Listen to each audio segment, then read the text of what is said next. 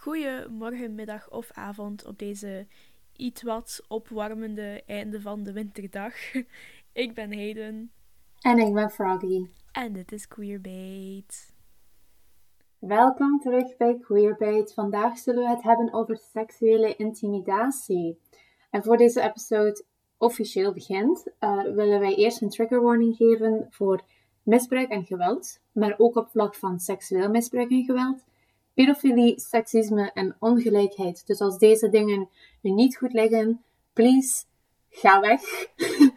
Dit is een bevel. Ga weg. Ja, no um, hard feelings. Je kunt volgende week of uh, een nieuwe aflevering luisteren. Of binnen een paar weken. We weten nog niet of er een deel 2 gaat zijn. Ja, dus we zien wel. Um, dus als het niet goed ligt bij jou, please, ga weg. Ja. Ja. Um, spring ik dan gelijk... Zoals je wonen? Oh ja. Oh, en weer niet bij. Weer al. Ha. Ja. Het is een ambetantje, maar... Weet je, nu is het gewoon de norm dat de podcast zo altijd met mij plus één van jullie twee is. Nergens meer met ons drie. Ik niet dat doen, En ik wil ook nog zeggen, dit is nog niet 100% zeker, maar het kan zijn dat ik volgende week er niet zal zijn met dat ik in Oostenrijk ben. maar ik ga proberen erbij te zijn. Ik kan niks beloven zo. Misschien in het begin van maart. Nee, eigenlijk. In het midden van maart gaan we misschien terug samenkomen. Ja, Na een maand van uit elkaar te zijn. Oh my god. no, no hard feelings in onze vriendengroep. Jullie, jij en Noam, zijn al meer dan een maand, denk ik, niet samen in één aflevering geweest. Oh nee, dat kan. Wow, ja. Vier afleveringen. Vreemd om over na te denken, hè? Ja, want het was episode 5 en nu zijn we episode 9. Mm Ik ga proberen er volgende mee te zijn dan. Ja, maar hoeft niet. Als dat echt niet gaat, dan... Allee, dan moet je Zo met de kindje rond mij. um, ja, ik spring dan gelijk in de nieuwtjes 2 van de week. Of... Yes. Ja? Ja. Oké, het... Begin ik met het nieuwtje dat ons linkt aan de aflevering, of begin ik met het nieuwtje dat een beetje controverse heeft? Begin met controverse en dan met de aflevering. I like your style. Oké.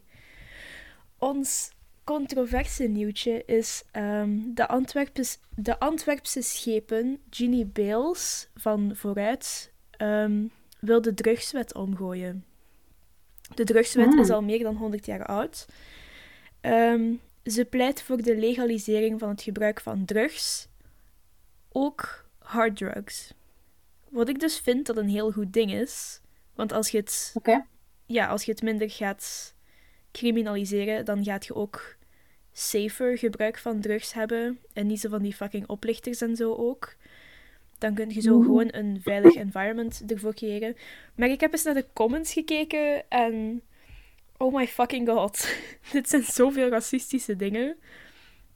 Zij is, zelf ook, zij is zelf ook een vrouw van kleur en iedereen is bezig over oh. um, dat ze zelf waarschijnlijk drugs doet en dat ze het alleen maar doet om haar te helpen en haar quote-unquote um, community te helpen. Allee. Dus ja. Oké, dat is. Ja, en, maar het zijn wel ook, again, bijna allemaal oude mensen die er haat op hebben. ja, de mensen moeten wel echt worden anders. Oh, misschien moet ik dat niet zeggen. Wat? Dat oudere mensen soms hun bek moeten houden, maar misschien moet ik dat niet zeggen. Maar het is wel. Maar zo op sommige vlakken, kom aan zeg ik, we zijn 2022, ik 2020 zeggen, wat? We zijn 2022, grow up. Jesus. Ja, maar dan heb je zo de, de oudere mensen zo vanaf millennials naar boven, alleen van oudheid heb je zo die mensen zo van, oh, ze zit zelf lijntjes te snuiven en zo. En dan heb je mensen van onze leeftijd die zo zijn van, gaat die lijntje koken of wat? Which, oké. Okay. Dat er mensen van onze school ook zo gaan reageren. Maar Le legale jonko's. Ehm, ons tweede Ik heb daar, nieuwtje. ik daar, Hm? Mag ik daar even mijn mening over zeggen? Ik ga even mijn mening over zeggen. Ik heb Tuurlijk. daar geen mening over. Honestly, ik heb, ik, heb daar niet echt een mening over, over dat drugs nu mogen le- eh, legaal worden of niet. Het feit dat er daar mensen op die vrouw zitten te schelden of weet ik veel wat. Mhm. eh, shut the fuck up. Dat, dat is... Shut the fuck up, gewoon. ik kan niet in mijn woorden komen, maar zwijg gewoon. Want het ding is, moest, moest het legaal worden, zo drugs en zo, Mhm. ik denk dat er minder problemen zouden zijn. Ja, dat is. Maar niet met te zeggen dat drugs goed is of zo, hè. Maar er zouden minder problemen zijn. Ja, je gaat minder een hostile environment creëren rond drugs. Ja, Ja. Ehm, tweede nieuwtje. Ja. Ja, tweede nieuwtje. Ehm dat is een perfectly met de aflevering. Colombia legaliseert eindelijk abortus. Oh, Ja. Hell Dat was yeah. Sorry. Ehm, hier staat er: ehm, Het Colombiaanse grondwettelijk hof heeft abortus gelegaliseerd voor een zwangerschap tot 24 weken. En hoe ver is dat? Hoeveel maanden is dat? Dat is, dat is het normale. Bup, bup. Voordien mocht een abortus eh, in het land enkel uitgevoerd worden als het leven van de vrouw in gevaar was, de, de foetus ernstige afwijkingen had of als gevolg van verkrachting. Oké. Ja. Snap ik. De reden dat de, de abortuswet zo, zo streng was, is door de katholieke kerk, omdat die in Latijns-Amerika nog steeds heel Ja. pressuring is. Ja, snap ik. Alleen, snap ik niet, maar begrijp Ja. ik. dat wil zeggen. Eh, maar dat is goed. Ehm, ik heb niks tegen abortus. Iedereen moet doen wat hij wil met zijn lichaam. Doe, doe, Same. doe wat gebeurt. Ehm, dan heb ik ook nog op mijn bladje dat ik hier voor me heb liggen, heb ik ook nog staan mijn, ehm, mijn weekly obsessions. Maar daar weet je al van. Al van een van de twee. Ja, Sorry, ik ga er echt niet over zwijgen. Ehm, mijn, eh, ik ben zelf ook een fervente podcastluisteraar. een fanboy, if you will. Ehm, mijn lievelingspodcast nu is De Volksjury. Op De Volksjury had ik bij de, ehm, bij de special over Anne Frank iets gehoord dat een van de twee vrouwen naar een andere podcast, dus het is een heel metal ding. Ze had naar een andere podcast geluisterd en dat noemt Sweet Bobby. Ik had eerlijk gezegd niet echt geluisterd waarover het ging, wat dus in mijn voordeel sprak. Dus ik ga het ook niet zeggen waarover dat gaat, maar het is gewoon heel interessant.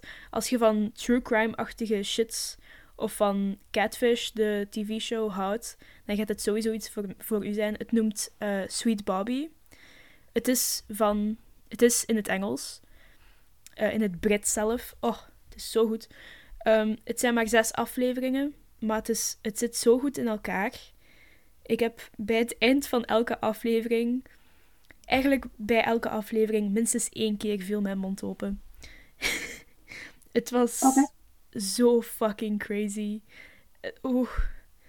Ehm, en dus, Tweede obsessie? ja. Ah, Dat was. ehm, ik heb dat in één dag uitgeluisterd. Ehm, en nu What? ben ik. Ik ben echt vreselijk. Nu ben ik naar eh, De Kroongetuige van Halen aan het luisteren. In podcastversie. Want ik weet dat er ook een serie van is gemaakt. Maar ze hebben van de serie een podcast ook gemaakt. En elke aflevering is drie kwartier lang. En ik zit aan aflevering vier. en ik ben gisteren beginnen luisteren. Oké. Ja. Nog, I guess. Ja, dus de kroongetuige is wel in het Nederlands, voor als jullie ook willen luisteren. Ik ben nogal de true crime luisteraar. To nobody's surprise. Ik vind, dat wel, ik vind dat wel zeer interessant, maar ik luister daar niet graag naar, naar podcast. Ik ben meer zo... Ik wil het zien. Alleen niet zien. Ja. Nee. Nee, maar ik snap, ik snap waar dat je vandaan komt. De plaats zien en zo de, hoe dat de plaatjes zijn gelegd geweest en dan hoe dat de court case is gebeurd, daar ben ik zeer geïnteresseerd in. Ja, ik vind En daarvan ik dan. de volksjury ook wel goed. Want bij elke aflevering dat zij hebben, ehm, doen zij ook op hun Instagram zetten zij extra beeldmateriaal. Dus het is nog steeds een podcast, tuurlijk. Maar dan heb je ook nog visuals. Maar Hmm. again, ja, documentaire reeksen of series zijn er wel gezelliger bij als je zo plaatjes wilt. Ja, dat is waar. Ik ben graag plaatjes.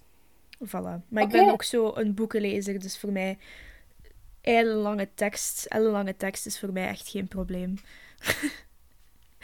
Eh, ja, voilà. ja, de aflevering. dan, dan zullen we er nu officieel aan beginnen. Dus moest je de trigger warning nog, nog niet goed verstaan hebben. De trigger warning begint vanaf nu.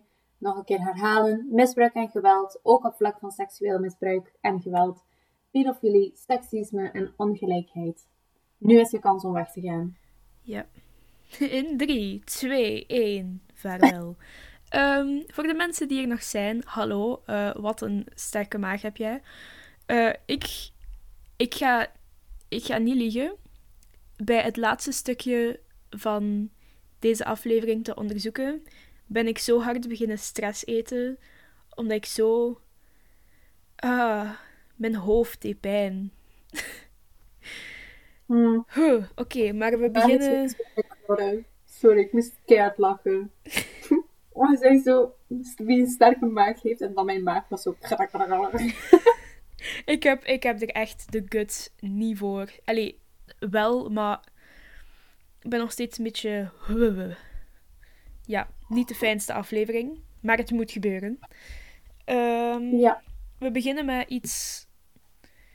We beginnen met de seksismewet. Ik wou, ik wou gewoon beginnen met hoe het zit in België. Deze heb ik van de website eh, voor het Instituut voor de Gelijkheid van Vrouwen en Mannen. Huh, Een tekstje copy-paste. Hebben wel een grammaticale error gemaakt, maar ik heb het bij mij een klein beetje aangepast.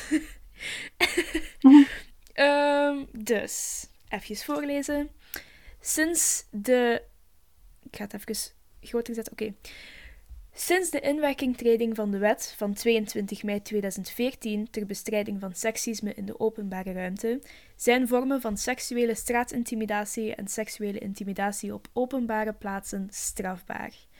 De wet bepaalt dat eh, wie een gedrag of handeling in het openbaar of in aanwezigheid van eh, getuigen stelt, met de bedoeling om iemand als minderwaardig te beschouwen of te minachten wegens zijn geslacht of te reduceren tot zijn geslachtelijke dimensie, bestraft kan worden. En dan, eh, in het begin van het jaar hebben we dit stukje ook gezien. Femme de la rue, weet je dat nog? Oh ja, ik weet dat nog. De wet is er Oh, gekomen naar aanleiding van de reportage van Sophie Peters, Femme de la rue. Die wet is daardoor gekomen. Echt? Ja, Wow. ik wist dat ook niet. En ik zag, dat, ik zag daar Femme de la rue staan. Ik dacht, wow, we hebben dit gezien in de les. Maar ik denk dat ik dat eens ga zeggen tegen die leerkracht. maar Ja, ja, ja zeggen. Dat inderdaad. kan ze Ik, dan zeggen, dat is het jaar en zo. ja, ik wist dat ook niet dat het daarvan kwam. Ik denk niet dat ze dat had gezegd. Ehm, dat ook niet. Dus hier staat er nog wat Femme de la Rue is. Ehm, Sophie Peters eh, liet zichzelf door een camera volgen door de straten in Brussel. En zij werd herha- herhaaldelijk eh, achtervolgd, ehm, op een beledigende en seksistische wijze aangesproken en op een respectloze wijze aangestaard. Dit zijn vormen van seksistisch gedrag waartegen men eh, voor, de voor de invoering van de seksismewet geen actie kon ondernemen en waartegen nu wettelijk kan worden opgetreden.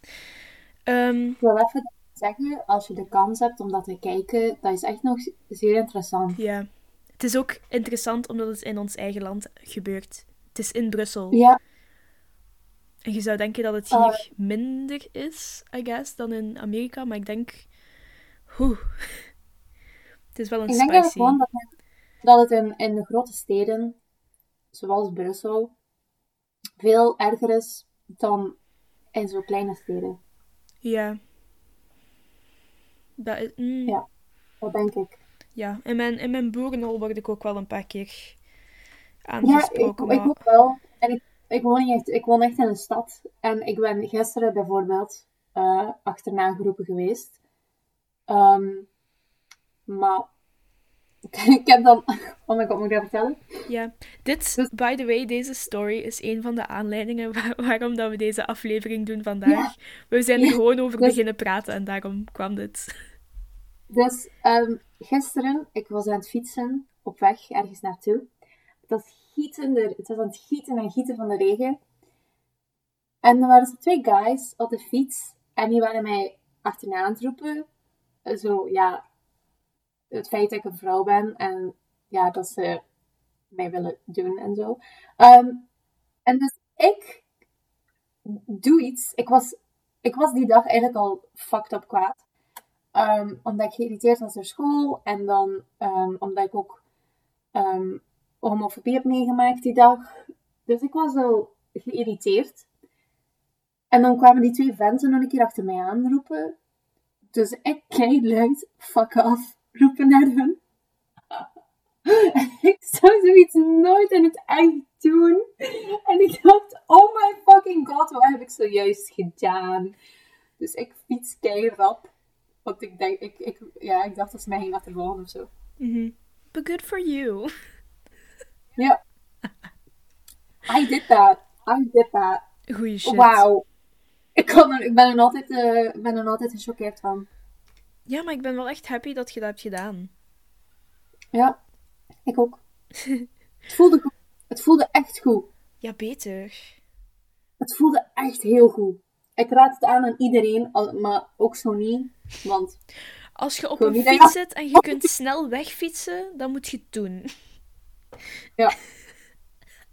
Als je sneller kunt Ja. zijn dan hun om weg te geraken, doe het. go for it. Maar zo niet. Maar het ding was ook, ik was gewoon bang. Omdat dat waren twee mannen en ik ben één vrouw. Als je al kijkt naar man en vrouw op zich.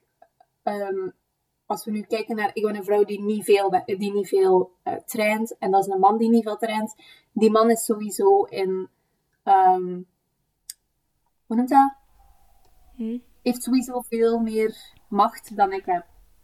Ja. Sowieso, fysiek gezien, ik verlies.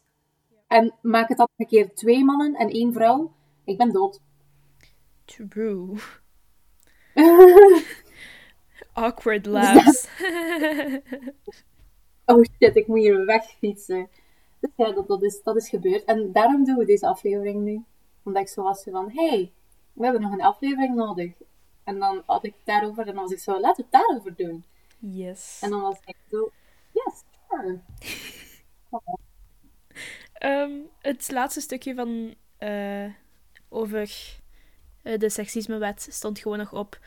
Ehm, de wet beperkt zich niet ehm, tot alleen straatintimidatie.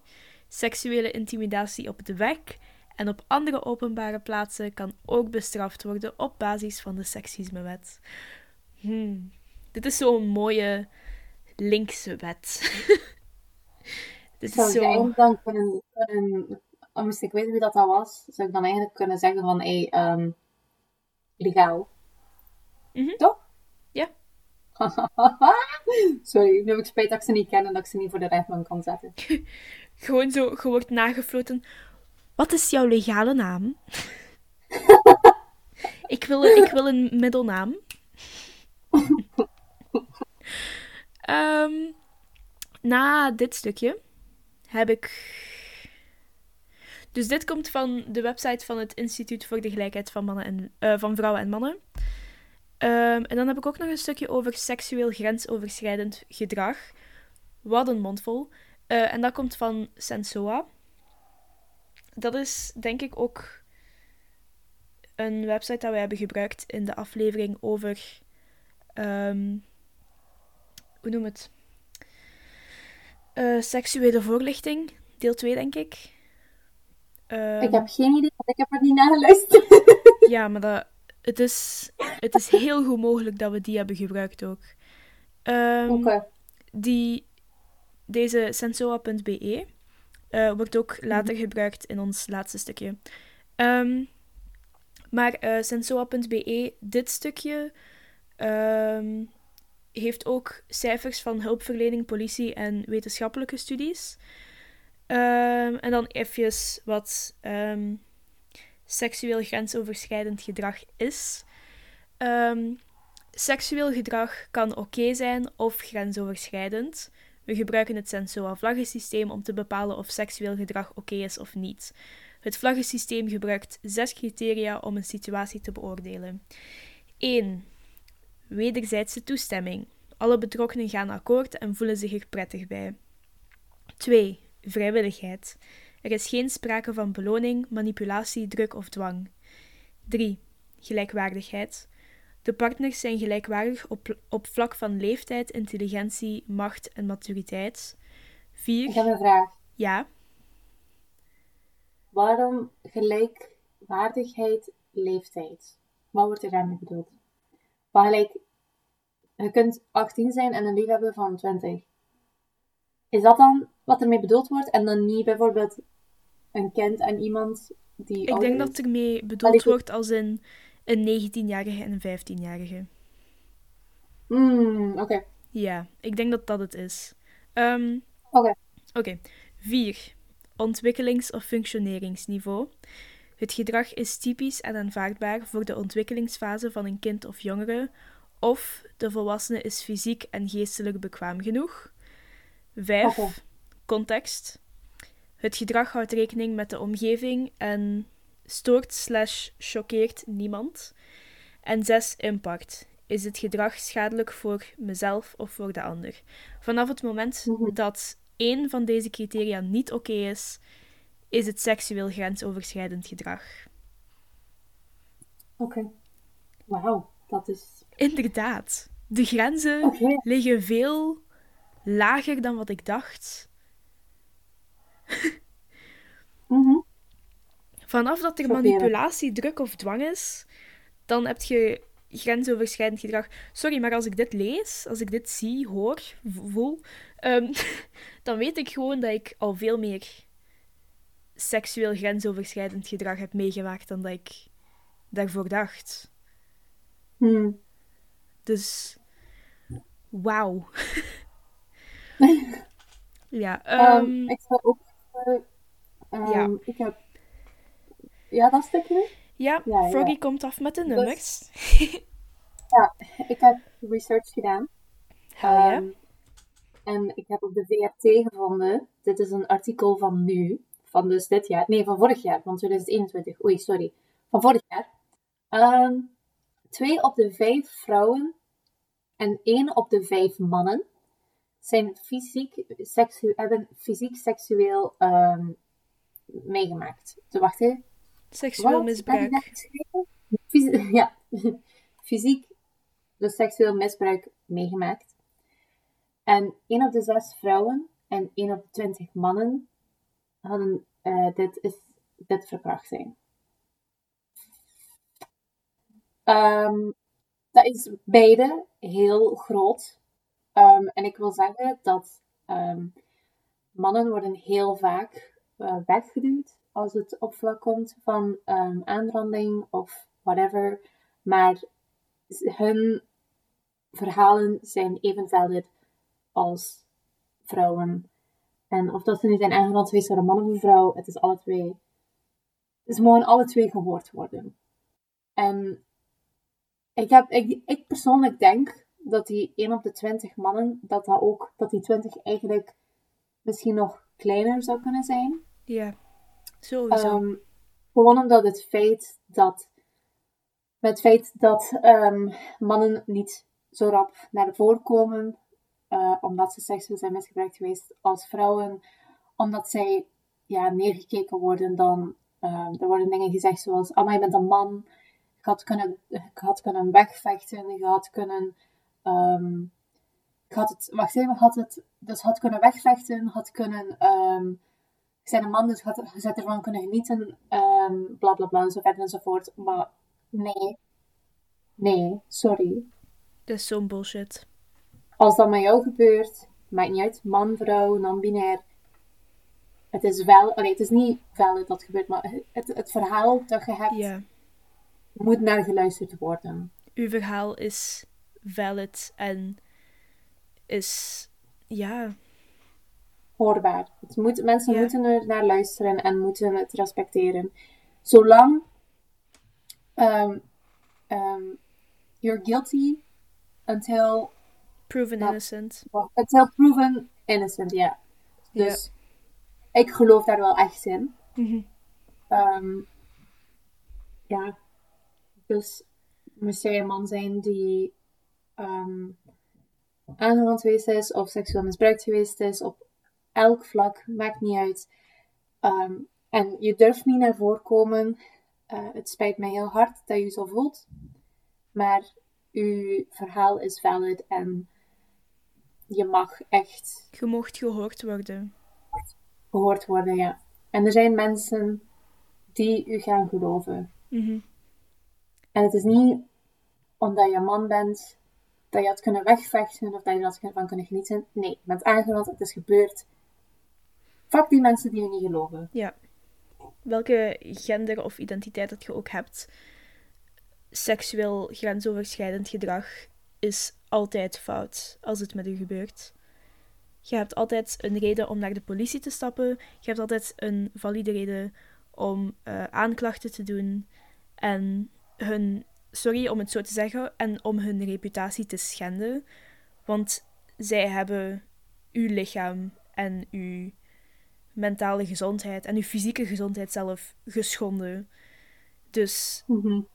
ja, het is oké om ze aan de schandpaal te hangen voor wat dat ze met u hebben gedaan. Dit, dit, dit is natuurlijk ook voor vrouwen. Ja. eh, maar ik wou het gewoon even aanbrengen bij mannen, omdat eh, het probleem bij mannen daar hoger ligt ja, dan bij vrouwen. mannen zijn heel bang om Ehm. daarover te praten. Ik heb dat zelf ook al ondervonden. Ja. Maar het verhaal is, moet gehoord worden. Alleen moet niet, als je dat niet wil sharen, snap ik. dat snap ik ergens wel. Maar als je het wil delen, als je wil gehoord worden, Dan moet je de kans daartoe dan is, dat krijgen. compleet, dan is dat compleet normaal en ga ervoor. Er gaan sowieso, bij vrouwen is dat, is dat ook zo, sowieso gaan er mensen zijn die, die je niet gaan geloven. Ehm, en die vuile dingen gaan zeggen tegen u. Het wordt meer gedaan bij mannen dan bij vrouwen sowieso, dat denk ik toch. Ehm, maar uw verhaal mag gehoord worden. Ja. Oké. Ehm, Ik heb ook nog ik nummertjes. oh, je hebt ook nog nummertjes. Ik heb ook mag, nog Mag ik nummertjes. me eerst alle nummertjes zeggen? Of hoorden uw nummertjes er ook nog bij? bij wat ik- Eh, mijn nummertjes horen er ook nog bij. Oké, ja. Ehm, dit is de UNMENAMAI-studie. Dat is Understanding the Mechanics, Nature, Magnitude and Impact of Sexual Violence in Belgium. Geweldige titel. Ehm, Hm. Dat is een studie die eh, over seksueel grensoverschrijdend gedrag in België, die representatief is voor alle genders en alle leeftijden. Ehm, en is bevraagd over meer dan ehm 5000 mensen. Ehm, daaruit kwam dus 64% van mensen tussen 16 en 69 jaar maakte seksueel grensoverschrijdend gedrag mee in hun leven. Ehm vier vijfde van meisjes en vrouwen en eh, de helft, een tweede van jongens en mannen. En in de laatste twaalf maanden eh, van voor hun deelname aan het onderzoek maakte 44% seksueel grensoverschrijdend gedrag mee. Ehm, dan heb je hands-off en hands-on. Eh, hands-off is 78% van vrouwen en 41% van mannen. In de afgelopen 12 maanden kreeg de helft van vrouwen en een derde van mannen ermee te maken.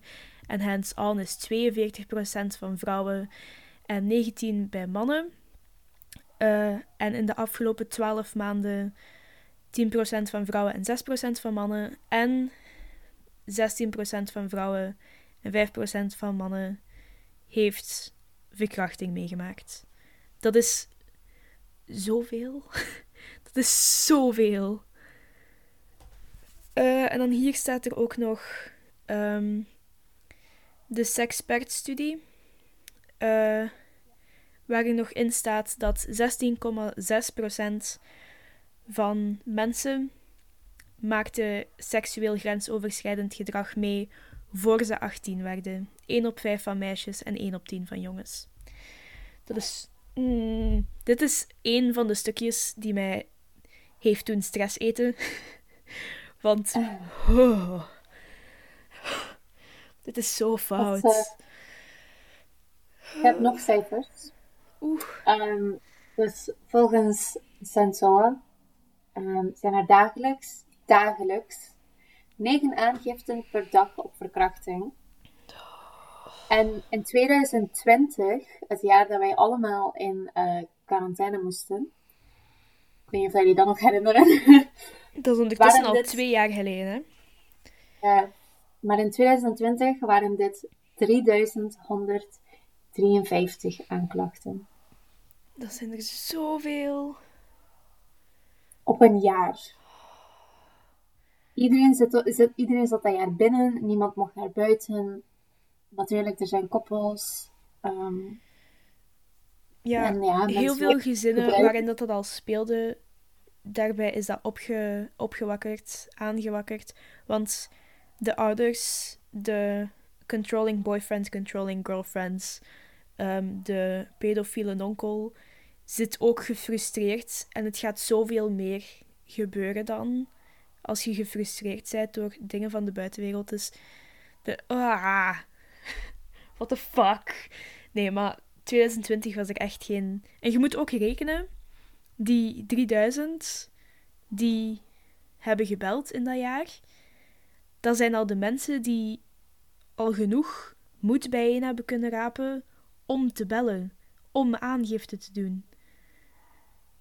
Er zijn zoveel mensen die niet eens durven of die gekleineerd, zo hard gekleineerd zijn geweest door hun abuser dat ze denken dat hun verhaal er niet toe doet. Is ah, nee. Zoals ik daarvoor al zei, iedereen's verhaal doet ertoe.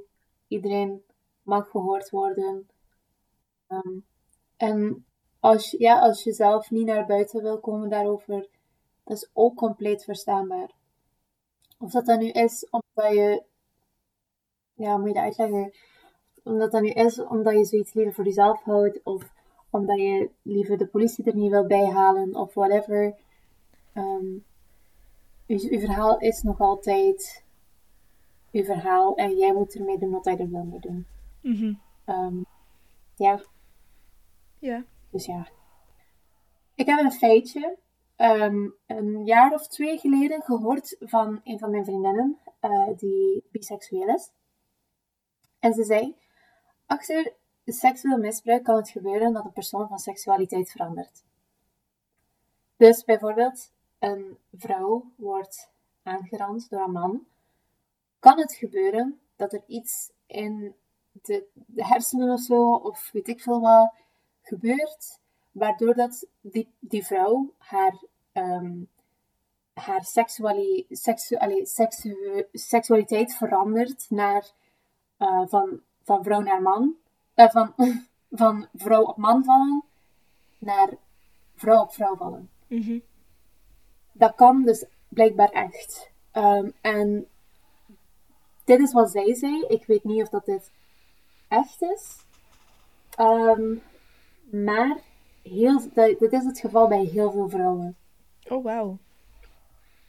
Um, maar ik geloof haar wel, omdat zij zo een heel slimme persoon en haar ouders zijn zelf dokters.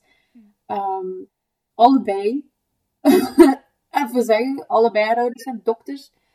Um, zij zelf is heel slim, dus ik geloof haar daar wel in. Mm -hmm.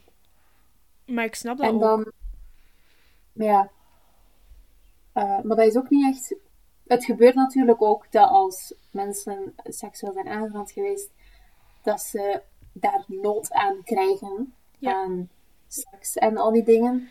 Uh, maar het gebeurt ook compleet tegenovergestelde. Dat je dat niet meer wilt. Dat het geblokkeerd is. Dat het, dat het niet meer gaat. Dus dat je ja, aseksueel wordt, I guess. Mm -hmm. Kan. Dus het kan, het kan in alle richtingen gaan. Um, het, het, het is, trauma is een heel vreemd ding. Zoals Ja. we de voor, een van de vorige episodes al zeiden. Trauma is een... ik denk dat dat de vorige Dat was. is de vorige. Ja. Trauma is heel Trauma is een- funky. Trauma is een heel vreemd ding. Dat doet heel vreemde dingen met de mensen. En het doet iets anders met iedereen. En dat is echt gek. Ja. Daar heb ik er ook nog bij geschreven. Nee is nee. Ehm, en nee kan op zoveel manieren terugkomen. Maar dat hebben we gezegd in de... Ik ga dat nog eens erbij halen. Ik heb dat gezegd in de ehm, aflevering, in een van de afleveringen, over... ehm, hoe noemt je dat? Ja. Over seksuele voorlichting. Oh, maar ja, ik was daar niet bij. hè. Ik kon dat Ja, niet wacht, weten. wacht, wacht, wacht. Ik zal wel eens even kijken. Maar hoe Maar er is daar een goede dan? video over. Over die... Ik, maar heel veel mensen hebben die waarschijnlijk al gezien. Die video over thee. Dat is een heel goede video. Ehm, van... Ik ga het er nu even gewoon nog even over hebben. Als dat oké is. Ja, Mag ik even. voorlezen wat ik had geschreven en had Ja. gezegd? Ehm, Ja. Toestemming is noodzakelijk voor elke vorm van seksueel en intiem contact. Alles wat geen ja is, is geen consent. Een geforceerde of een twijfelende ja is geen consent. Seks moet ontstaan uit wederzijdse toestemming. Prachtig. Dus als je thee krijgt... Dus bijvoorbeeld, ik ga nu met dat, dat thee ding praten. Als, je, als, je, als er iemand vraagt, wil je thee? En je zegt ja, dan ga je die persoon ja maken. Dan ga je die persoon thee maken. Als die persoon zegt nee, dan ga je die persoon geen thee maken. Als die persoon zegt misschien later, dan kan je thee maken, maar het nog niet geven. En dan als die persoon dan later zegt nee, sorry, ik wil toch geen thee, dan geef je de thee niet. En zo verder en zo voort. De enige reden waarom dat je een, persoon thee mag geven, is als de persoon ja zegt. Maar je mag het niet forceren en je mag het niet manipuleren. Het moet een eigenwijze thee zijn. Alleen, wat? De, de, de ja moet uit zichzelf komen. Eigenwijze thee zijn. Wat is dat voor de Mijn, zin? mijn favoriete stukje uit die video is zo... Een persoon kan geen ja zeggen tegen thee als die niet wakker is. Ik was zo... Inderdaad. Ehm, ja. Volgende stukje? Volgende stukje. Volgende stukje. Oké. Ehm. Oh, mooi gecopy-paste. Ik heb dat wel... Ik heb dat al gezien, ze. Eh, Nee, ik heb het verplaatst. Ik heb niet gecopy-paste. Oké, oké. Het Het ging volgende... tekstje. Ja, het volgende stukje gaat over hashtag MeToo. Jullie hebben dat sowieso al meer dan twee keer gehoord in je leven. Letterlijk iedereen. Dus, even de heden uitleg van wat hashtag MeToo is. Ehm, hashtag MeToo is een beweging tegen seksueel grensoverschrijdend gedrag. En dat is eigenlijk wereldwijd. Dat is wel ontstaan in ehm, Amerika, maar dat is tot hier zelf voortgegaan tot, ik denk, elk land heeft ehm, een bewegingsgolf gehad van hashtag MeToo. Ehm, dus het is begonnen in 2017. Het is echt opgewakkerd in 2017. Ehm, nadat, ja, na de hele controverse rond Harvey Weinstein. Mhm. Dat weet jij ook. Iedereen kent de naam Harvey, eh, Harvey Weinstein door de seksuele intimidatie ehm, bij verschillende vrouwen in Hollywood. Ehm, en dan op sociale media, wie dat er hashtag MeToo in een bericht plaatste, gaf daarmee ook aan met seksuele intimidatie, aanranding, seksueel misbruik te maken te hebben gehad. Allee, dat ze daar ook. Want ik ook. Het is echt zo een ding van. Ik zie u en ik heb het ook meegemaakt. Ehm, oorspronkelijk is MeToo afkomstig van een zwarte activiste, Tarana Burke, ehm, uit New York. Ehm, en zij gebruikten het op MySpace in 2006. Ik ben zo happy en ook op, een, op hetzelfde moment zo staat dat ik MySpace net niet heb meegemaakt. Ehm, dus... Ik eh, ook. Ik ook. Ja, Oh, voilà. ik ook. Ik denk dat MySpace zo leuk zou geweest zijn. We zijn zo net iets te jong, zo twee, drie jaar te jong voor MySpace deftig te hebben meegemaakt. Ehm, Ja. Ik heb daar geen probleem mee, honestly. Ik ook niet echt, maar 14-jarige emo Hayden is wel een klein beetje aan het huilen. Ehm, dus Joanna Burke heeft het eh, in 2006 op MySpace gebruikt om eh, empathie op te wekken voor vrouwen die slachtoffer waren van seksueel misbruik. Ehm, Burke, Burke had ehm, zelf een gesprek gehad in 1997 met een 13-jarig meisje dat aan haar had gezegd dat ze aangerand was geweest. Ehm, en Joanna Burke wou gewoon later ook zeggen tegen dat meisje dat ze gewoon, allee, ze wou gewoon me too zeggen aan haar van ik snap u, ik heb het ook meegemaakt. En daardoor komt hashtag me too. Ehm, en dat heeft ook nog een leuke opwakkering gehad. Ehm, net nadat Donald Trump is verkozen geweest. Omdat Donald Trump nogal vrouwenvriendelijk is. Ehm, en iedereen was zo: ehm, hey, hallo, ik ben seksueel misbruikt. Want ehm, Donald Trump heeft ook eh, meerdere mensen en tieners seksueel misbruikt.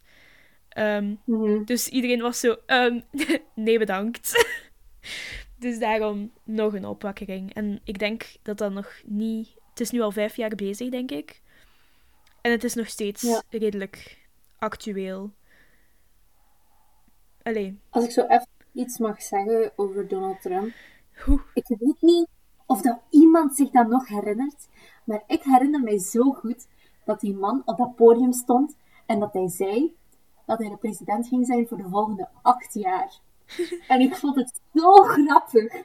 Ik vond het zo grappig dat hij dan niet verkozen werd tot president voor nog vier jaar. Ik vond dat zo grappig. Want die video bestaat, ik heb die eigenlijk, ik weet niet of dat, dat echt is, maar dat is zo'n herinnering dat echt in mijn, in mijn mind engraved is, omdat ik moest, omdat ik sad was. Ik was echt zo. Waarom? Als je het vindt, niet- please, please screen grab it en zet het zo op ons story of zo. Ik ga er nog een keer naar zoeken. Maar ik heb, dat zit echt zo in mijn hoofd dat hij dat zei. En dan dat ze op het nieuws zelf ook zeiden dat eh, hij er zo van overtuigd was dat hij eh, president ging zijn voor acht jaar. Maar ze hebben dat dan gelijk niet meer gezegd. Dat is gelijk nooit meer opgekomen. Maar dat zit zo gelijk echt in mijn hoofd. Het kan zijn dat dat een ding was. Hè. En, ehm hoe noemt dat weer? Een parody. Mandela-effect? effect? Man- Oh, Mandela Nee. effect. Ja. Ja, dat kan ook. Maar ik denk het, ik ben daar zo zeker van. Ik ben daar zo zeker van.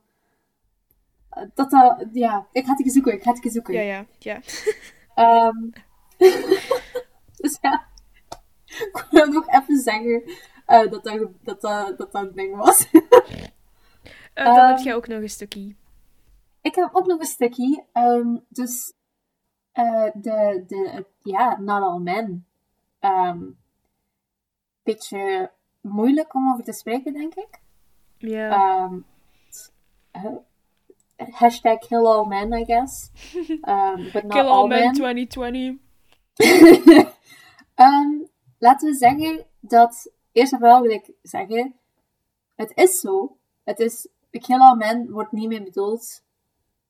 Oh nee, hate we, of ja, kill all men of we hate all men wordt niet echt bedoeld met alle mannen. Maar met te zeggen dat ehm, niet alle mannen maak je het probleem kleiner. Mhm. Ehm, en ik wil daar nu het voorbeeld van geven met taart of een glas water. Hayden, ik maak drie taarten voor jou. Ja, dankjewel. Maar één, jij bent ehm, heel lactose intolerant. En als jij één druppel melk drinkt, dan sterf jij. Oké. Eh Eén van mijn, twee, van mijn drie taarten is gemaakt met melk. De rest is gemaakt met vegan melk. Dus dat kan jij wel drinken. Ga je Eten. riskeren en een stuk taart eten? Nee, dat ga ik niet. Maar het, waarom? Omdat er een hele grote kans is dat ik de taart ga kiezen dat mij letterlijk zal vermoorden. Maar ik heb, ik heb die drie taarten voor jou gemaakt en het zijn niet alle taarten, hè? Maar ik kan wel nog steeds doodgaan van één van die Maar het taarten. zijn niet alle taarten. Maar het ik wil het risico taarten. niet nemen. Het zijn nog altijd niet alle taarten, hè? Snap, hoor je hoe dom dat dit is? Mhm. Ik wil het nu nog een keer met, met water ook doen. Ik heb drie glazen water. In, nee, ik ga het nog kleiner maken. Ik heb twee glazen water. In één van het glas water heb ik ehm vergifsel in gestoken, maar je kunt het niet zien. Ga je het riskeren? Nee. Nee. Tuurlijk niet. Dus het feit is gewoon... We hate all men. Nee, we don't. Maar het moet wel gezegd worden, want er is kans als ik als vrouw superveel mannen plots begin te vertrouwen en mijn leven aan hen begin te geven, of weet ik veel wat, een paar van die mannen gaat beginnen mij te misbruiken. Daarom bestaat hashtag kill all men of hashtag we hate all men, bla bla bla, maakt niet uit. En met te zeggen not all men klink je heel dom. Want het is zo. Het is zo en wij weten dat. Maar als we dat zeggen, dan, wordt het probleem, dan maken we het probleem kleiner. Alleen niet het probleem kleiner. Maar ja, ook gewoon door te zeggen kill all men, krijg je zo'n beetje power terug dat van je afgenomen is. En als je dan zegt, maar niet alle mannen zijn zo, dan is het zo, maar kijk, dat is, dat is zo'n beetje hetzelfde gelijk mansplaining. Dan, dan klinkt het zo gelijk zo, ja, kijk, ik weet, ik weet dat sommige van ons niet zo goed zijn, maar andere van ons zijn wel heel goed. Dus je moet ons wel vertrouwen. Dat klinkt like een pick me boy. Ja, oh my god, oh my god, nee. ik, weet je, ik ben gewoon zo een hashtag, nee, r slash nice guys. Zo een van die nice guys, zo tips Fedora, milady. Ben ik gewoon zo eentje aan het worden. Oh, Oh, ik ging nog iets zeggen daarover. ik ga gewoon een incel worden of zo. Oh, zelf. Ehm, ik ging nog iets zeggen. Wacht hè. Ah ja, ik vind, dat is, dit is mijn mening, Oei oei. Als mannen, wat? Als, als mannen. Ik vind dat als mannen zo'n dingen zeggen, dat ze heel, heel babyachtig klinken. Mhm. Ja, het zijn niet alle mannen, sorry. Maar dat weten wij ook wel. Maar Sorry, maar als mannen zoiets zeggen tegen mij, dan denk ik zo, ja, sorry, maar ga ergens in een hoekje of zo gaan huilen, because I do not fucking care. ook, ehm, ik heb heel veel mannelijke vrienden ook. kuch, kuch, mannelijke vrienden. We hebben het hier net ook over gehad. En heel veel, ook al zijn ze heel links, ze gaan ook zeggen not all men, want die mannen hebben vaak niet door hoe dat hun buddies en hoe dat andere mannen zijn ehm, in verhouding tot vrouwen. Zij gaan de leuke kant van hun vrienden zien en de leuke kant van hun fellow men zien. Maar een, een verkrachter of een aanrander gaat nooit die kant laten zien aan hun vrienden. Dus ik snap waarom dat ze gaan zeggen not all men. Ja, Want zij zien ook. die kant van mannen niet. Maar Maar het is Je heel damaging. je moet ook luisteren naar de victims. Ja. Elke vrouw kent zeker één vrouw, maar laat het nu zichzelf zijn of een vriendin. Of een moeder. Elke vrouw kent één vrouw die misbruikt is geweest, seksueel, ehm, door een man. En niet alle mannen, niet alle mannen kennen een ander man die een vrouw heeft aangerand. Dat is waar. Ehm, maar dat is het probleem ook. Want je weet dat meestal ook niet. Mhm. Gaat dat niet zo even in jou... Wat En je yo, ik heb by the way, ik rand vrouwen aan. En Ik weet niet, misschien ligt dat gewoon omdat wij ook ehm, in een openlijkere school zitten en omdat dat meer gedeeld wordt bij ons. Maar ik heb het gevoel dat er, dat er zo'n dingen meer, bij, tussen vrouwen, dat dat meer gedeeld wordt. En daardoor dat ehm, vrouwen dat ook meer weten van elkaar. Ik heb eens een video gezien op YouTube, um, waar dat er een, een vrouw op een podium stond. En er zaten allemaal vrouwen in het publiek. En ze vroeg uh, iedereen die iemand kent, die is uh, seksueel misbruikt geweest, staat nu recht. Iedereen stond recht. Tuurlijk. Er zat geen enkele vrouw neer. Ik ging zeggen, kent uh, jij iemand die seksueel aangerand is of misbruikt is, maar ja. Ja, ja. meerdere. Van ik ook. Maar dan dus die vrouw vroeg dan uiteindelijk, wie van jullie is, dit, is het gebeurd zelf, bij, bij jezelf? Moet uh, blijven staan. Als jij dat niet hebt meegemaakt, ga zitten. Meerderheid bleef recht staan. Oh. Meerderheid bleef recht staan. En dat geeft dan ook nog eens, dat toont dan ook nog eens aan dat um, meerderheid, allee, heel veel vrouwen met wie dat daar is gebeurd, gaan dat ook niet rap melden. Dat ze zijn aangerand geweest. Maar het zijn door welke reden dan ook. En de kans dat er zelf vrouwen in dat publiek zaten, die neer gaan zitten zijn, die zelf wel ook zijn aangerand geweest, is, ja, is zo groot. groot. Dus het, ik, ik weet niet meer, het is heel lang geleden dat ik die video gezien heb. En ik weet niet of ik die ga terugvinden, maar ik was echt gechoqueerd. Ik was echt gechoqueerd. Tuurlijk. Ik was er niet van. Was er echt niet goed van. Mm Bij mij is het gewoon...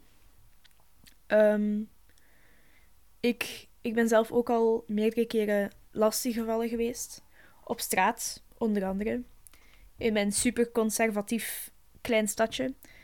Ik noem het wel gewoon echt mijn Borenal, want het is hier echt een Borenalstad. We gaan niet eens liegen. Maar het is hier heel conservatief. Dus ik ben zelf nog vorige week lastig gevallen geweest. Ik ben al meerdere keren nagefloten geweest. Van alles en nog wat. Um, tot een punt waar, waarop, waarop dat ik had van... Het is niet leuk om een vrouw te zijn. Dat is niet de reden waarom dat ik heb uitgevonden dat ik trans was, by the way. Want daarna ging ik nog steeds mij female presenten. Um, maar het, ik ben zelf ook... Ik heb dit ook in, uh, in de seksuele voorlichting aflevering gezegd. Ik ben zelf ook meerdere keren verkracht geweest, ook als minor. Um, en ik heb toen ik zeven of acht jaar was, de talk gehad van mijn moeder. Van dat mannen, dat je mannen niet mocht vertrouwen, omdat ze waarschijnlijk misbruik van u gaan maken. Want mijn moeder is ook lastiggevallen geweest op meerdere levels toen ze, toen ze 13, 14, 15 jaar was, um, totdat ze 18 werd. Um, na school, drie keer. Um, en sindsdien is ze echt gewoon ze is zo voorzichtig met alles van ons. Mijn stiefzus ook. Zij zat, toen zij 16 was, zat zij eens uh, in het station in Brugge. En een man vroeg haar of, dat, of dat ze seks met hem wil hebben in het park. En het was zeven uur s ochtends. En ze had echt school... Ja, ze had echt schoolzak mee en zo. Dus het is echt wel... Toen dat dat gebeurde, mocht ik ook twee weken niet... Of drie weken zelf niet later naar huis gaan. Ik mocht niet naar toneelvoorstellingen gaan of zo. Gewoon omdat mijn moeder zo bang was. En ik snap het. Maar ook gewoon. Ik heb het daar juist ook tegen u gezegd toen we in Gent rondliepen. We moeten niet aan ons jonge meisjes zeggen van. Je mocht het niet uitlokken bij mannen en je mocht niet te veel rond mannen lopen en niet weggaan uh, als het donker is. Of altijd omdat, omdat je geen pepperspray mocht bij hebben ik heb dit ook gehoord toen ik acht was, um, een klein busje deo. Want dat heeft zo'n beetje dezelfde properties van pepperspray. Maar het is wel legaal. Oh ja, dat is fijn. Als je daar in je ogen hebt. Oeh. Ik heb dat ook al Spreek zelf meegemaakt. ik ben ook onhandig. nee, maar zo, die shit, dat mogen wij niet leren aan ons kleine meisjes. We moeten gewoon zeggen aan ons jongens van, hey, val niemand lastig. We moeten dat gewoon Ja. aan iedereen zeggen van, hey, we willen gewoon een safe environment voor iedereen. Val gewoon niemand lastig. Op geen enkel vlak. En heel veel mensen Mhm. hebben het daar dus lastig mee. For some reason.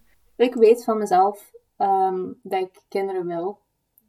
En ik weet dat ik sowieso, als ik jongens krijg, dat ik sowieso ga zijn van, yo, als jij dat doet, I, I will disown you.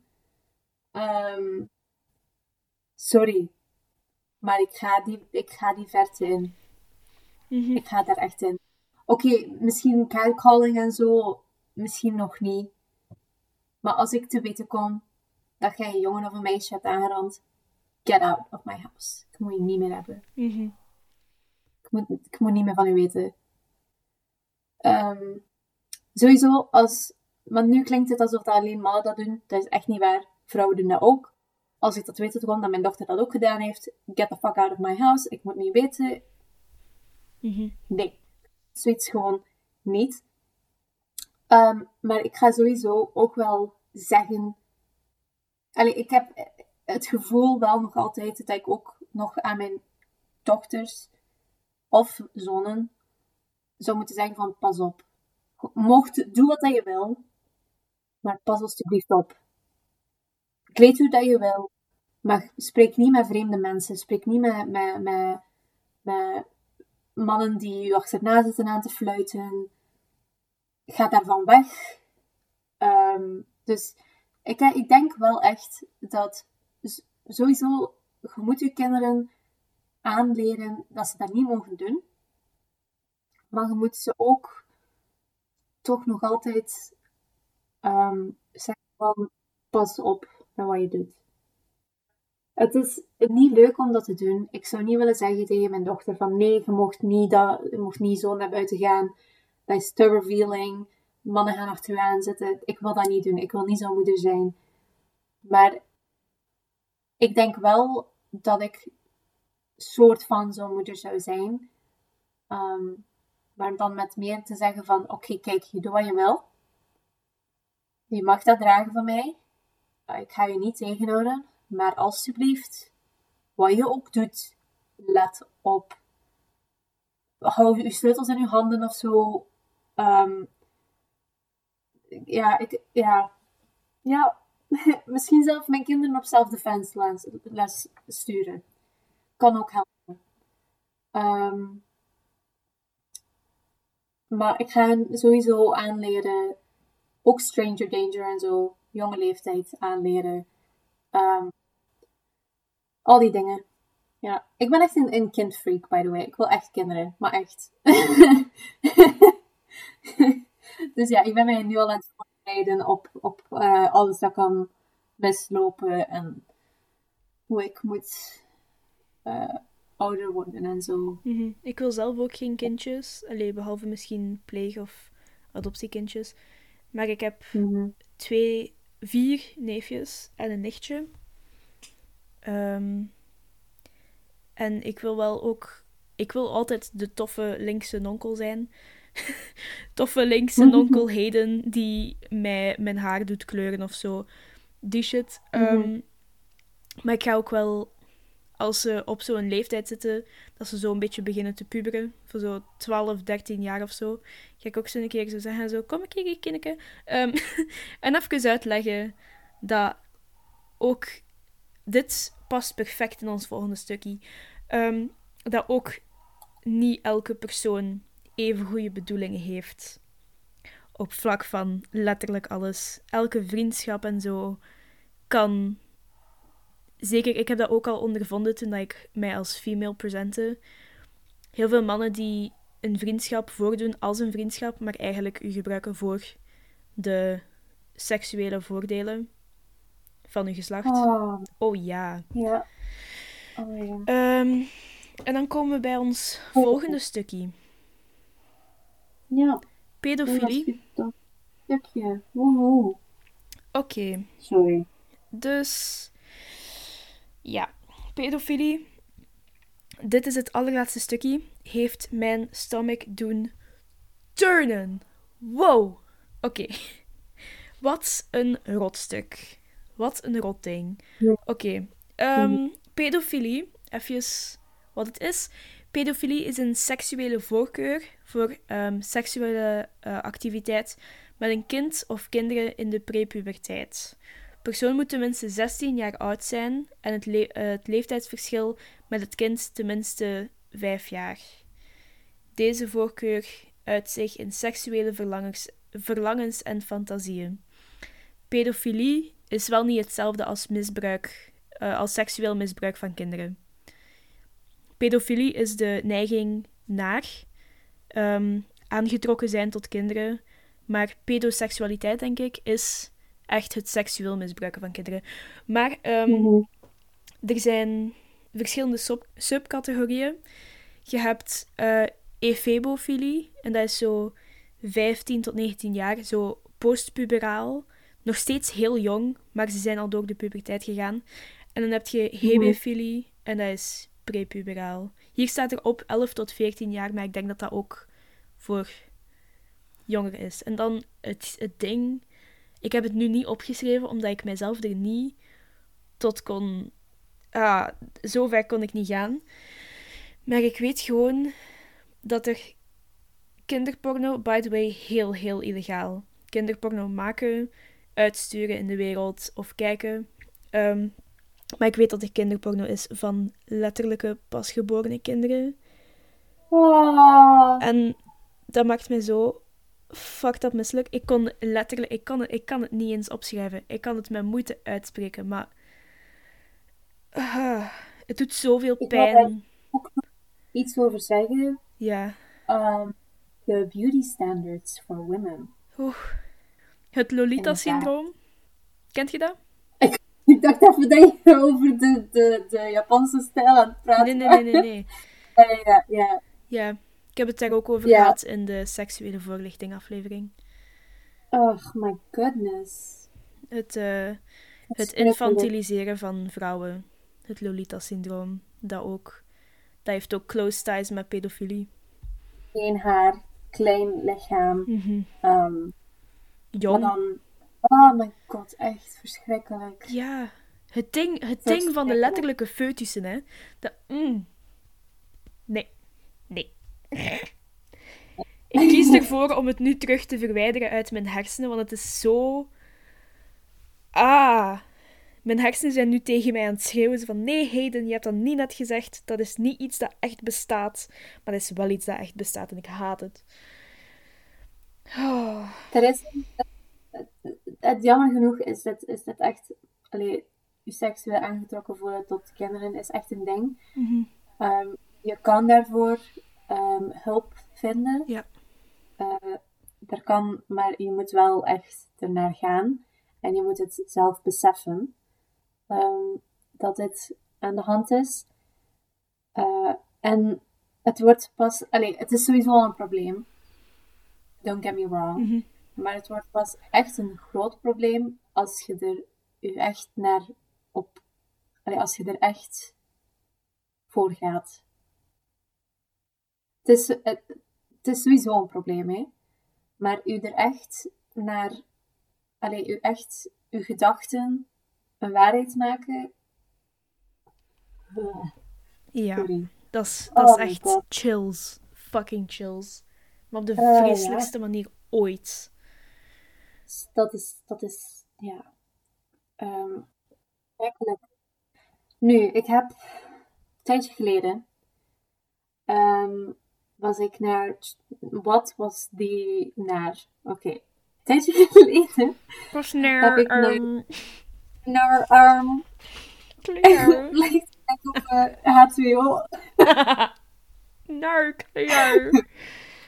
No, no, don't do it. Ehm, dus Oeh, dat is even een verluchting tussen mijn hersenen dat pijn doen. Maar we gaan nu weer even... Ja, iets even... lastig. ehm, Want dit is, dit is heftig. Een tijdje geleden ehm, ben ik, eh, heb ik, was ik true crime aan het kijken. Oeh, surprise. en ik was echt heel diep into it. En ik had dan plots zag ik een video van eh, Dr. Phil. Ik weet het, die man is. Ik vertrouw die man niet helemaal.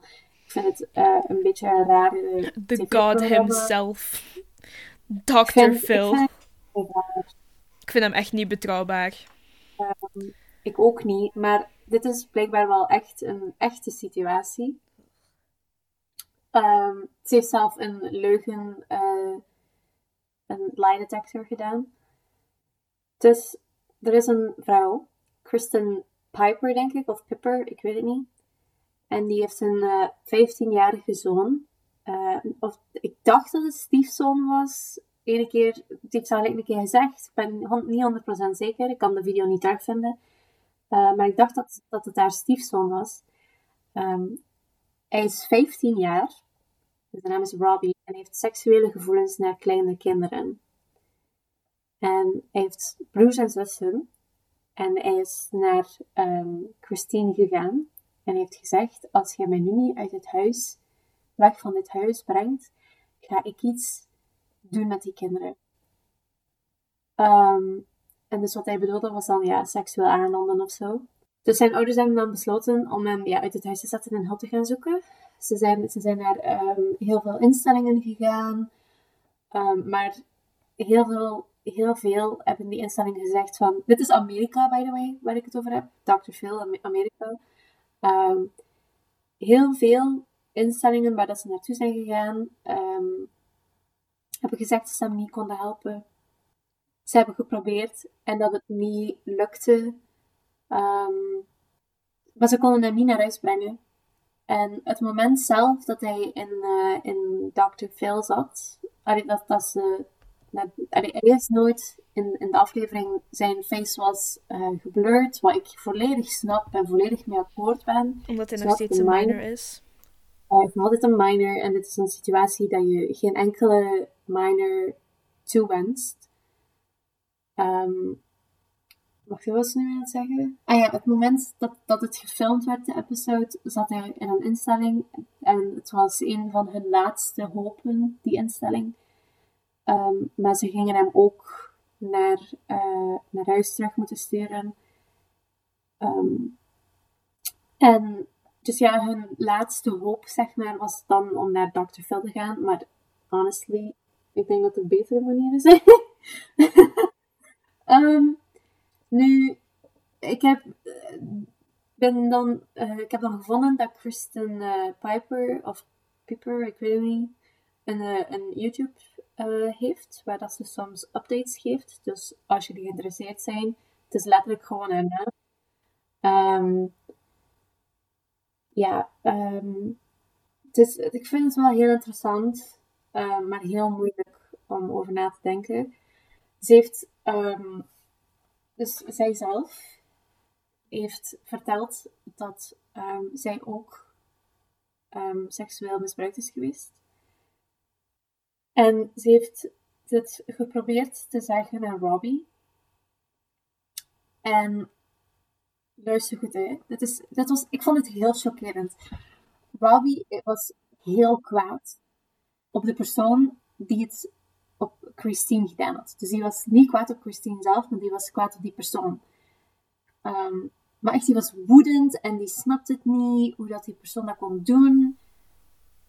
Maar dan Maar- doet hij zelf Hij denkt hetzelfde. van zichzelf dat hij ermee weggaat. Want hij, het, het is hem al gelukt, blijkbaar. Oh, no. Op het programma waren er twee kinderen, dacht ik. Die dat, twee meisjes. Dacht ik. Of twee. Het waren er al sinds twee, twee kindjes. Ik weet niet, ik dacht dat meisjes waren, maar ik kan ook echt, het kunnen ook jongens zijn geweest. Want hij zei dat zijn preference bij tussen vier en nog wat ouder jaar was. Ik denk vier en tien. Ehm, en bij jongens. Dat doet zoveel pijn in mijn hoofd. Uh. Dat zijn Ja, het kinderen. is een moeilijke situatie, want die Robbie is zelf ook een kind. Ehm, en ja, zo'n dingen zijn sowieso ja, heel lastig. Ehm, ik weet niet hoe dat nu met hem is. Honestly, ik wou er niet verder op inkijken, omdat ik het een heel moeilijke situatie vind met dat Robbie zelf een minor is. Um, ja, dus al moesten jullie echt willen verder erop zoeken of zo, uh, Christine Piper optik intikken op YouTube en je vindt het. Ja. Um, je vindt het. Ik heb nu ook, ik heb daar net verteld over de kroongetuigen. Um, dat is heel coincidental dat we het vandaag over dit hebben. Want ik zat op de trein en de derde aflevering speelde af. En dat is Kindermoord bij het Sportpaleis. Um, dat gaat over Steve Vissers. Wow, wow, wat? Ja, Steve Vissers van 12. En um, hij, hij werd op zijn fiets... Hij, is gaan fietsen met zijn broer um, Sven. en Danny Immens, een 29-jarige schilder uit Deurne, rijdt, hem, rijdt Steve aan met zijn bromfiets zegt dan, zijt je oké, okay, zijt oké? En dan zegt Steve zo, ja, ja, ik ben, alles is fijn. Uh, gewoon een beetje geschrokken, ik ga nu wel naar huis gaan. En na een paar keer zeggen van, nee, nee, ik ben fijn, zegt Danny, pakt Danny een dolk, een mes, en hij zegt, Steve, jij gaat nu van achter op mijn motor. En uh, ze zijn dan samen weggegaan. Zijn jongere broer Sven is dan heeft dan naar de politie gebeld. Um, ergens bij buren of zo. Um, en van alles en nog wat. En later komt aan het licht dat um, Steve is vermoord geweest op een privélocatie door Danny Immens. Um, en hij is een paar keer gestoken in de nek, in de borst, uh, in de groin area. En hij is ook seksueel misbruikt geweest door Danny. En Danny had gezegd. Hij kwam van zijn weg met de bromfiets toen hij Steve aanreed. Um, en hij zei dan in zijn confession dat hij eigenlijk al een stijve had toen dat hij vertrok op zijn weg. En toen dat hij bezig was met Steve aan te randen, dat hij was van, hm, waar ben ik nu eigenlijk mee bezig? En dat hij hem dan heeft neergestoken. Dus. Steve was 12. Danny was 29 dat is zo. De moeder, normaal mogen ze dat, de politie mag dat normaal niet zeggen. Maar de moeder heeft gezegd, heeft gevraagd aan de politie zo, mijn kind, mijn kind is seksueel misbruikt geweest, hè. En de politie zei, ja, je hebt gelijk, mevrouw. Dat moet zo vuil zijn. Je, hebt u, je bent je kind dan al kwijt. En, ah, nee. Nee, maar meerdere keren, meerdere keren in het verhaal viel mijn mond open en was ik zo van, aha, nee. En dat was, dat was in Antwerpen. Het was in ons eigen land. Uh, ik heb er wel over gevonden um, op, mm -hmm. via H HLM. Mm -hmm. De titel is Hang die smeerlap op aan, aan de hoogste boom, zei hij na de verkrachting, tot hij zelf werd opgepakt. Donderdag 24 juni 1999, eh, een zonnige namiddag in Brussel, ziet formataire Guy uh, Verhofstadt voor het eerst de kopstukken van de, van de partijen waarmee hij zijn eerste historische regering zal vormen. In Antwerpen zit het werk van de schilder Danny Immens, 29, ervoor die dag op. Hij pakt zijn bromfiets en rijdt naar zijn stamcafé Slachthuis op de hoek van de lange Lop, Loproekstraat in Antwerpen-Noord. Daar drinkt hij nog enkele pintjes. Iets na vijven belt hij naar zijn vrouw. Hij heeft een vrouw ook. Ja, ze hadden, een, ze hadden zelf een gezonde seksuele relatie met elkaar. Wat dat is zo absurd is. Een half uurtje later rijdt Immers weg, maar niet weg naar huis. Hij heeft al sinds hij de deur van het magazijn van zijn baas achter zich dichtsloeg een erectie. En daar wil hij vanaf, op een speelplein naast een riviertje, de schijn, spreekt hij twee jongens aan. Een brommertje rijden. Hij duwt een van de twee kerels een biljet van 200 frank, wat 5 euro is, in de handen. De jongens moeten er niet van weten. Immers rijdt verder. Immens rijdt verder. Steve Vissers, 12, en zijn broertje Sven, 9. Oh my god. Genieten na school van, een mooie, van het mooie weer. Steven uh, heeft een nieuwe fiets en wil het Rivierenhof gaan koersen. De broertjes rijden via het fietspad naar de schijn. Het, bij het bruggetje achter de volkstuintjes merkt Immes hen op. Met zijn bromfiets rijdt hij opzettelijk Steve aan. Als de jongen weer op zijn fiets wil stappen, pakt Immes een mes. Hij dwingt Steve om op, het duozit te gaan zitten. Sven jaagt hij weg. Emmons rijdt het hobbelige bospad naast de berg van de ring op. Maar één hand, met één hand stuurt hij, met de andere klemt hij Steve vast. Vijfhonderd meter verder valt de jongen van de bromfiets. Emmons springt er bovenop en drukt hem, oh my god, in het struikgewas tegen de grond. Hij trekt het zwarte sportbroekje van de jongen naar beneden en betrapt hem. Net op dit moment krijgt de vrouw van Immens weer een gsm-oproep van haar partner. Ze hoort enkel geruis en steekt hem erin. Ook op dat moment rukt de eerste ploeg van politie al uit. Ze hebben een oproep gekregen vanuit Doe het zelfzaak Rambo aan de ten, ten ten. Een paar wandelaars hebben Sven het radeloze broodje van Steven door tot daar gebracht. Ehm, en de rest is uh, exclusief voor abonnees. My stomach just fucking turned. Meer denk ik niet dat ik daarover wil lezen. Um, my god. Ja, dat is dus een van de beruchte pedofielen. De tweede, iedereen kent hem. De tweede, Marc Dutroux. Ja. Ook een pedofiel. Ook gewoon mm. een pedofiel. Een van uh, de grootste schokken in België. Ja. Dat is... Mm. Daar ook nog steeds van gesproken. Allee. Ja. Um, met deze mensen ook kunt je ook aantonen. Wow, ik ben er echt nog steeds misselijk van. Met deze mensen kun je nog steeds aantonen um, hoe ze seksuele toenadering zoeken. Um, de ene groep gaat impulsief te werk. Die, die pleger, die kindermisbruiker, speelt in op toevallige gelegenheden. Bijvoorbeeld, een kind is toevallig bij hem of haar thuis, alleen in de speeltuin.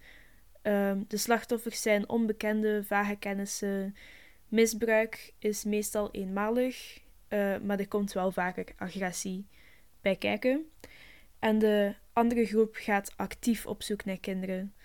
Um, gaan grooming doen, en dat is um, uh, actief het vertrouwen proberen winnen uh, van kinderen of van de ouders van het kind.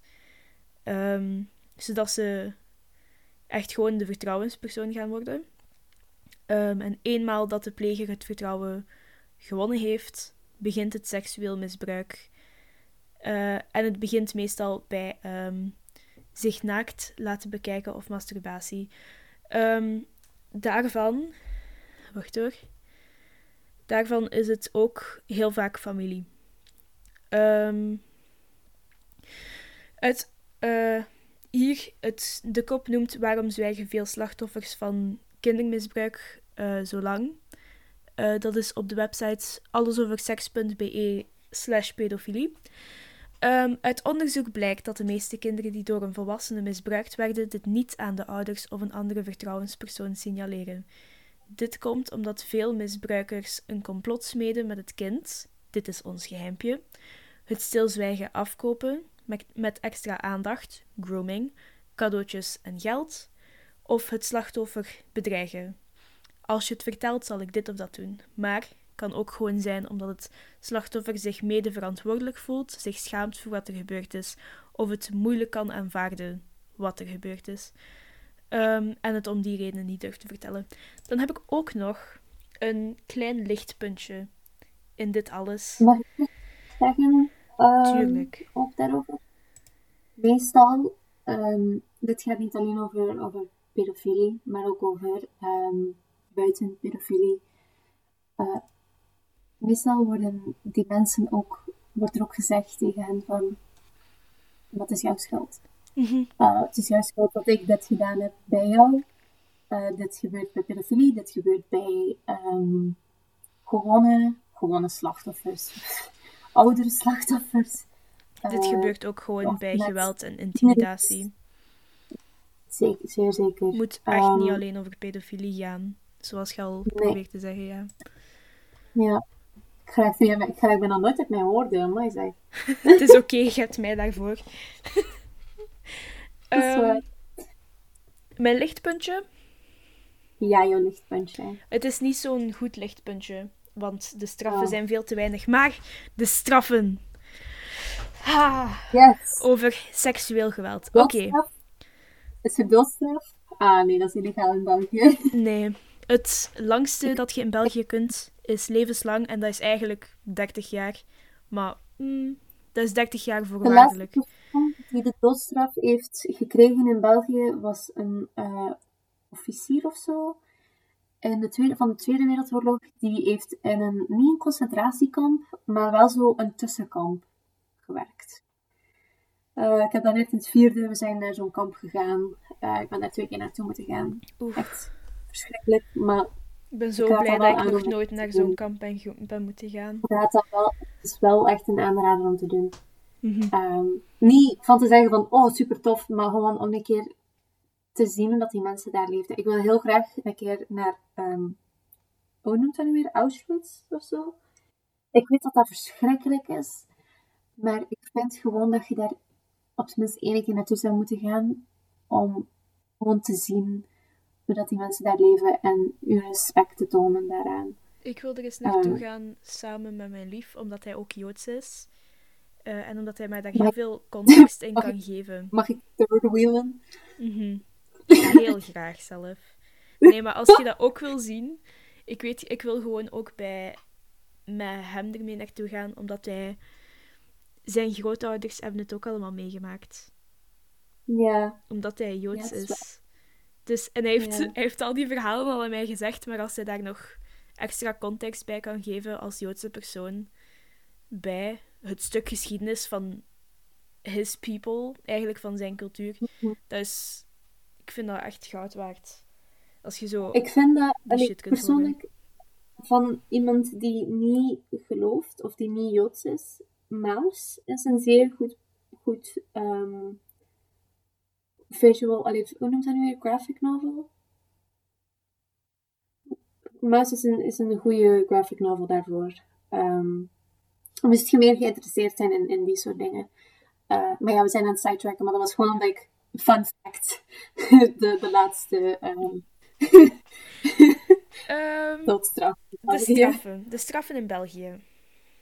Een, dat is op de Wikipedia van kindermisbruik. Mhm. Oké. Eh, we gaan eens alles afgaan, hè. Dus, Ja. Voor aanranding. Ehm wacht, hè. Aanranding is er zodra er een begin van een uitvoering is, ehm, zonder geweld of bedreiging van een persoon jonger dan 16 jaar, wordt gestraft met 5 tot 10 jaar opsluiting, indien dit gebeurt door een bloedverwant in de opgaande lijn en er dus incest is, wordt het 10 tot 15 jaar. Which is dangerously weinig. Low. Ja, Ja. het is heel weinig, maar het is nog steeds opsluiting. Het is iets. Ehm, Maar het, zou meer moeten zijn. Of dat nu eigenlijk ehm, familie is of niet. Het is nog altijd een kind dat getraumatiseerd is voor het rest van zijn, zijn of haar leven. Ja. Ehm, aanranding met geweld of bedreiging van een minderjarige ouder dan 16 jaar wordt bestraft met 5 tot 10 jaar opsluiting. Aanranding uh, met geweld of bedreiging van een persoon jonger dan 16 jaar wordt gestraft met 10 tot 15 jaar opsluiting. Um, verkrachting. Um, seksuele penetratie van welke aard en wel, met welk middel ook. Uh, van een minderjarige ouder dan 16 jaar wordt gestraft uh, met 10 tot 15 jaar opsluiting.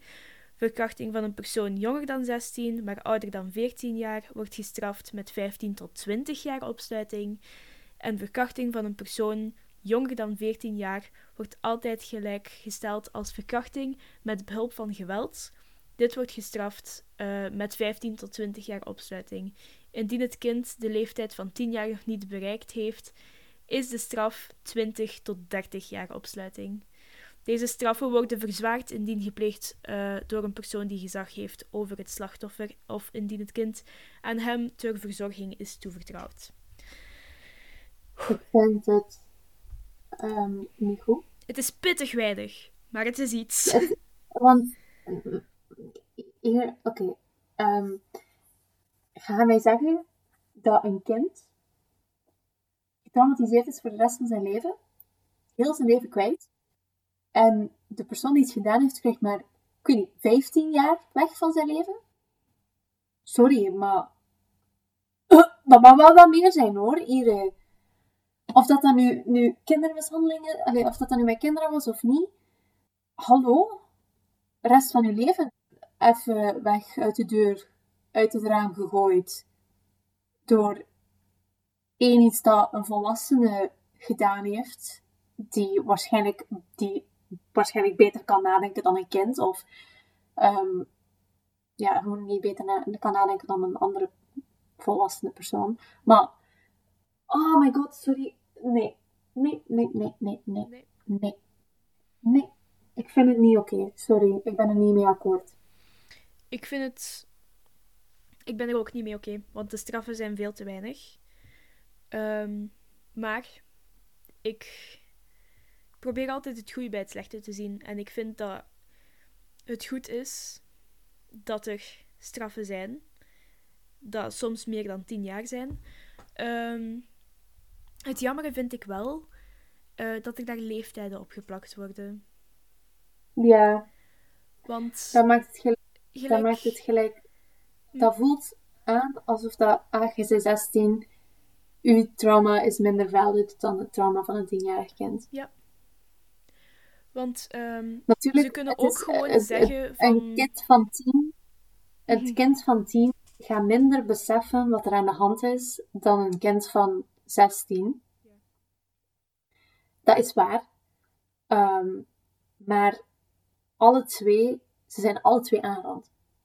Alle twee seksueel misbruikt, alle twee, ze hebben alle twee hetzelfde, zeg maar hetzelfde tussen haakjes meegemaakt. Um, ja, dus de straf zou even zwaar moeten zijn. Want je, maakt gelijk wat dat die 16-jarige heeft meegemaakt minder belangrijk dan die, dan die 10-jarige. We zijn het alle twee meegemaakt. De ene misschien wel erger dan de andere. Maar dat maakt niet uit. Het zijn nog alle twee minderjarigen. Het zou zelf niet eens mogen uitmaken of ze minderjarig zijn of niet. Het is nog alle twee gebeurd. Bij alle twee de mensen. Er moet, er moet meer Mm Maar ik vind ook gewoon, um, het is een klein beetje stom om het ding te doen van um, een persoon jonger dan 16, maar ouder dan 14 jaar. Pff, zeg dan gewoon, sorry, zeg dan gewoon jonger dan 16. Kunnen ze dat ook mhm. niet, want iedereen gaat anders door het leven. Kunnen ze dan niet gewoon zeggen prepuberaal, in de puberteit of postpuberaal en er daar shit aan linken als ze toch aan delen van uw leven gaan linken. Waarom linken ze het dan niet aan uw letterlijke biologie in plaats van uw leeftijd? Ja, het is. Dus, ja. Dat is heel raar. Want letterlijk, het is ook een soort van, van moord dat je doet, hè. En gelijk, als je dan echt moord pleegt, dan gaat dan die straffen gaan veel hoger liggen, hè. Dus, waarom, waarom, waarom? Ik snap het niet. Ik snap het echt niet. Ja, mensen zijn raar. De wet is raar.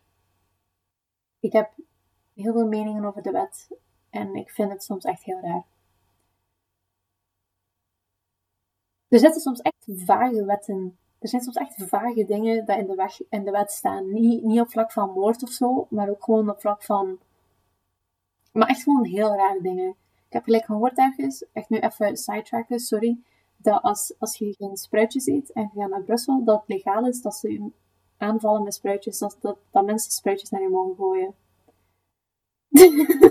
ik heb eigenlijk al eens gehoord. Ik weet niet of dat waar is. Uh, ja, ik vind, de wet is heel raar. Als dat echt is, dan, dan what the fuck? Oké. Um, Oké dan. um, nog eentje over de kroongetuigen. Ja. In de kroongetuigen, het zijn allemaal Vlaamse moorden, maar het zijn ook echt de fucking gruwelijkste dat ik ooit van mijn langzaams leven heb gehoord. Uh, het... De fucking Zodiac Killer tipt er niet aan. Het is echt niet te doen. Um, de allereerste aflevering was de zaak Orion. Dat is in Sint-Amansberg. Uh, dat zijn vijf leden van hetzelfde gezin um, die koelbloedig vermoord wordt door, uh, hoe noemen ze? Freddy Orion en Roland Feneuil. Feneuil, ik weet het niet. Um, maar uh, in zijn bekentenis, um, Orion, Freddy Orion, had, was al eens in de gevangenis gestoken. En daardoor wou zijn kind en zijn vrouw niet meer tegen hem praten. En hoe dat hij het zei, hij, hij had iets heel fout gedaan, want, you know, vijf mensen vermoorden is niet zo kosher. Uh, maar hoe dat hij het zei, ik vond het heel mooi uitgelegd hoe dat hij dat had gedaan. Obviously, ik sluit mij niet aan bij wat dat hij heeft gedaan of heeft ge, allez, de wereld in heeft gezwierd. Maar hij zei: um, als je iemand gaat accusen van shit dat ze niet hebben gedaan, maar dan wel een klein beetje meer deftig Nederlands, uh, want het was de 80s. Um, dan. En als je ze in de gevangenis gaat steken, en dat zijn geen verharde, verharde criminelen, dat is gewoon de doorsnee man, dat is een moord dat je pleegt. Dat is. Je, je gaat daar binnen als één persoon en je komt daar buiten. Je bent doodgegaan en je bent een volledig nieuwe, als volledig nieuwe persoon herboren. Maar mensen kijken er zo niet naar, want het is geen echte moord. Het is gewoon een moord op je subconscious en op je geest. Dus er wordt niet zo hard naar gekeken en er wordt geen straf en nadruk opgelegd omdat het stil gebeurt. En ik vind het zo goed passen bij shit van misbruik en verkrachting, hoe dat hij dat had gezegd. Ik vind het zo fucking vreselijk wat hij heeft gedaan en waarom dat hij het heeft gezegd. Want ook de strafpleiter heeft zo gezegd: um, ja, dat kan wel goed zijn, maar je hebt nog steeds vijf mensen vermoord. En dat is geen goede uitleg daarvoor. Which. true. Maar het. Het ding van dat je doodgaat, stilletjes, en dan niemand het door heeft, dus dat het zo gezegd minder erg wordt, dat is, dat is zo goed om het zo te zeggen bij seksueel misbruik, want dat is het ook. Dat is gewoon een deel van u dat sterft. En er wordt, je kunt het niet zien, dus mensen gaan er niet echt op letten. Nee. Maar dit is wel mijn publieke fuck you naar Freddy Orion. maar hij heeft het wel heel ja. poëtisch verwoord. Dus er zijn veel mensen naar wie dat je een dikke fuck you kunnen, uh, ja. kan brengen. Ook naar gewoon mensen die je op straat ook tegenkomt. Ja. Um, maar wacht, hè. Ja. Hiervoor um, een grote fuck you naar Freddy Orion. En een grote fuck you naar uh, Danny Immens. En nog eens een hele mm -hmm. grote fuck you naar um, Marc Dutroux. Want zij hebben gewoonweg um, shit genomen van mensen, zoals, you know, hun levens. En dat was sowieso hun recht niet. Ehm, Levens en ook ehm, levens van ouders ja, die hun kinderen zijn kwijtgeraakt. van ouders, van vrienden, van leerkrachten, van, van, Vrienden. voilà, van families, van communities. Dat zijn gewoonweg levens dat... En ik vind aanranders en verkrachters zitten op hetzelfde level als die drie mannen. Ja. Dat, die, drie, die drie mannen zitten ook gewoonweg op hetzelfde level als de, de biblische Satan himself. Want Satan, Satan is op zich niet zo'n vreselijke persoon. een vreselijke entity, sorry. Niet echt een persoon. maar hoe dat de katholieke kerk hem voordoet, is hij wel echt gewoon... Ik ging zeggen de duivel hemzelf. hemzelf. Ja, het is de duivel hemzelf. Maar voor de katho- katholieke kerk is het echt gewoon zo een fucking... ambetante, vieze, vuile... life ruiner. Een beetje Regina George. maar dat is, dat is echt... dat is echt wat die mannen zijn. Dat zijn echt moderne duivels. Dat is... Oh, zo misselijk word ik Mhm. daarvan. En letterlijk elke misbruiker en elke verkrachter zit op dat niveau. Echt. En als je dat met kinderen gaat doen, en als je dat met, pa- oh, met pasgeborenen, again, als je het met fucking kindje, nee. Nee, jij mag gewoon direct naar de hel stappen en ik wil dat het pijn doet. Echt waar. Echt waar. Dat je er zelf nooit komt, dat je zelf nooit tot het punt komt dat je doodgaat, maar gewoon echt voor altijd de pijn ervaart dat je iedereen die rond die persoon hangt en iedereen dat er ooit van heeft gehoord, dat je die pijn hebt aangedaan, dat je het 500 keer terugvoelt. Oh, Ik hoop dat ook. echt waar. Ik wens dat heel veel mensen toe. Ik wens niet snel de dood toe. Maar iedereen die iets van iemand heeft gepakt, een leven, consent, een lichaam. Mm, de dood. De dood. dat terug toe. Anyway, ehm, Ja. ik wil de aflevering afsluiten met nog een paar mythes over seksueel geweld. Ja. Dus ehm, ik heb een website gevonden, seksueelgeweld.be. Mhm. Ehm, Nationale Loterij zit erbij, de politie heeft er ook aan meegewerkt. Ehm, dus er zijn eh, mythes en dan de realiteit. Ja. Dus ik zal een paar mythes vertellen. Eh, verkrachters handelen eh, uit seksuele frustratie. Niet altijd. Eh, het gebeurt wel, maar niet altijd. Mhm. Verkrachters zijn vreemde engerts die plots uit een bosje springen. Ehm, mannen kunnen niet verkracht worden. Ik ben al blij dat dat redelijk hoog staat. Mhm. Verkrachtingen heeft geen blijf... verkrachting heeft geen blijvende ge- gevolgen. Het is wel goed Eh, dat, dat de staat dat ook erkent. Al deze Ja. shit. Dat is zo goed. Als het slachtoffer seksueel opgewonden raakt of een orgasme krijgt tijdens een verkrachting, betekent dat hij of zij ervan genoten heeft. Dat is een mythe. Dat is Ja, nog ja, van de mythes. Ehm, vrouwen fantaseren over verkrachtingen. Oh, sommigen wel. Bij sommige mensen is dat een kink. Ja, dat- Maar dat zijn heel weinig mensen. dat- ik zou daar niet gewoon, ik zou daar niet van onderuit gaan op, de eerste, op het eerste vlak. Nee, maar er zijn mensen Ehm. die een ehm, consensual non-consent kink hebben. Ja, maar dat is dan anders, snap je? Ja, ja, ja, ja. Maar in anders. general, heb, niemand dit wil verkracht worden.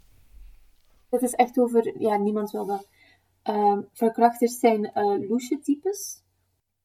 Prostituees kunnen niet verkracht worden. Zijn er mensen die Eh, dat verkracht- geloven? Ja, Huh. verkrachtingen komen zelden voor. I mean, dat hebben we zojuist bewezen Ja, dat dat, die is wel echt Die zo heavy. is. ehm allee, dat dat wel zo is. Mhm. Dat ze wel zelden voorkomen. Eh, verkrachtingen komen, kan voorkomen worden door bepaalde plaatsen te vermijden en je gezond verstand te gebruiken. Ehm, natuurlijk, ik denk dat, dat elke vrouw wel plaatsen weet van daar moet ik niet naartoe gaan. Pakjes. Uh, er gaat iemand zogezegd de bosjes uitspringen. Zeg maar. Ehm, om mij te pakken.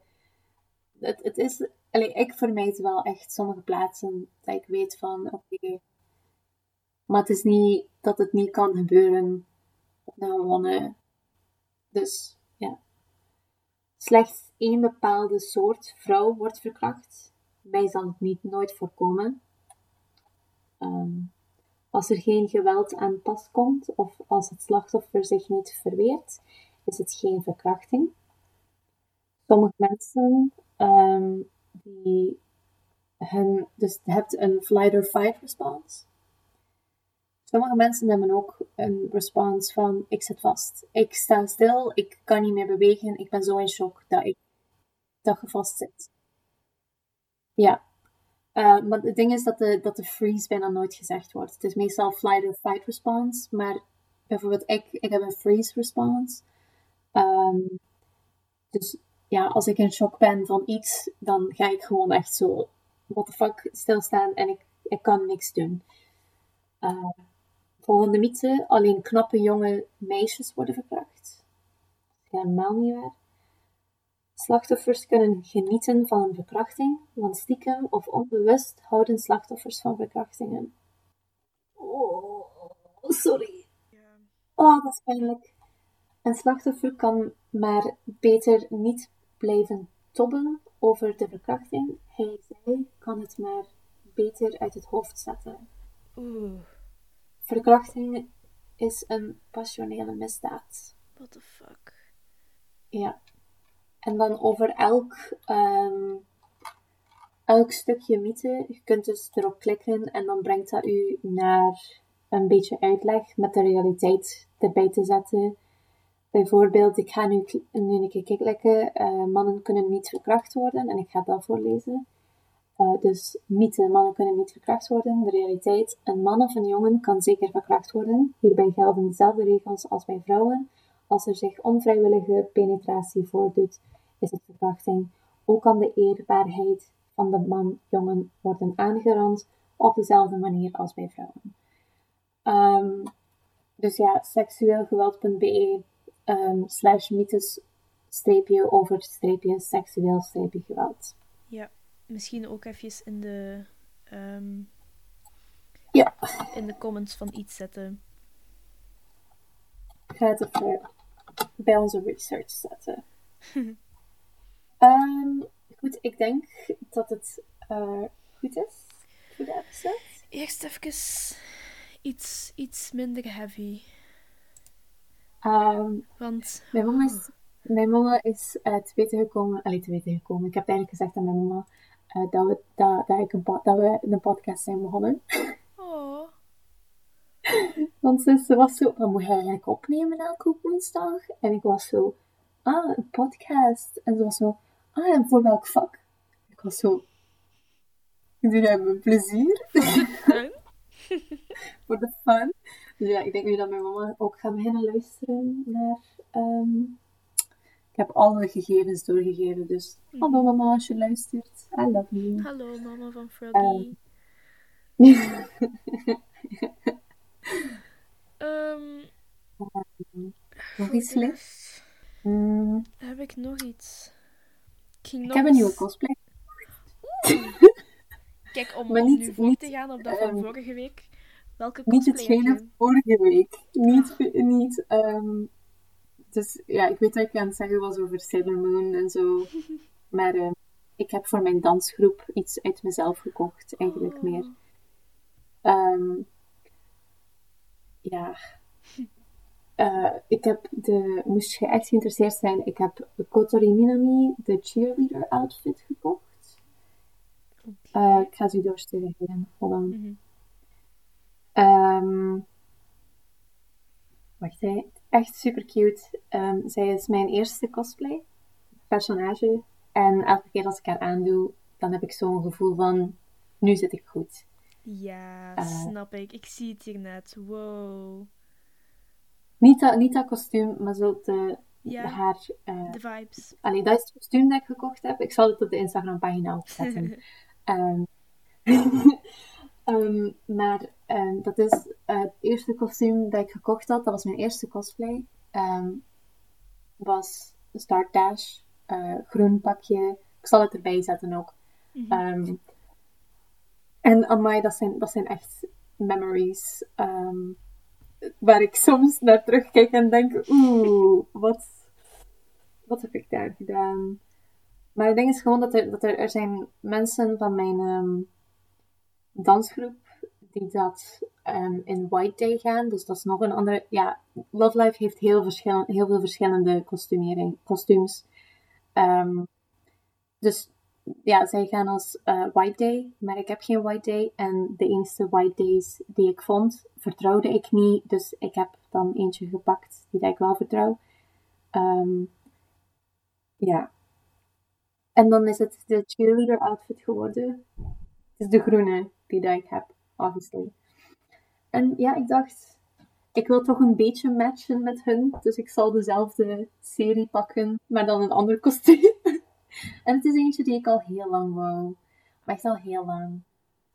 Dus het is echt eentje van al het begin, denk ik, dat ik wou. Het begin dat ik ben beginnen cosplayen. Mhm. Dus ja. Ja. Ehm,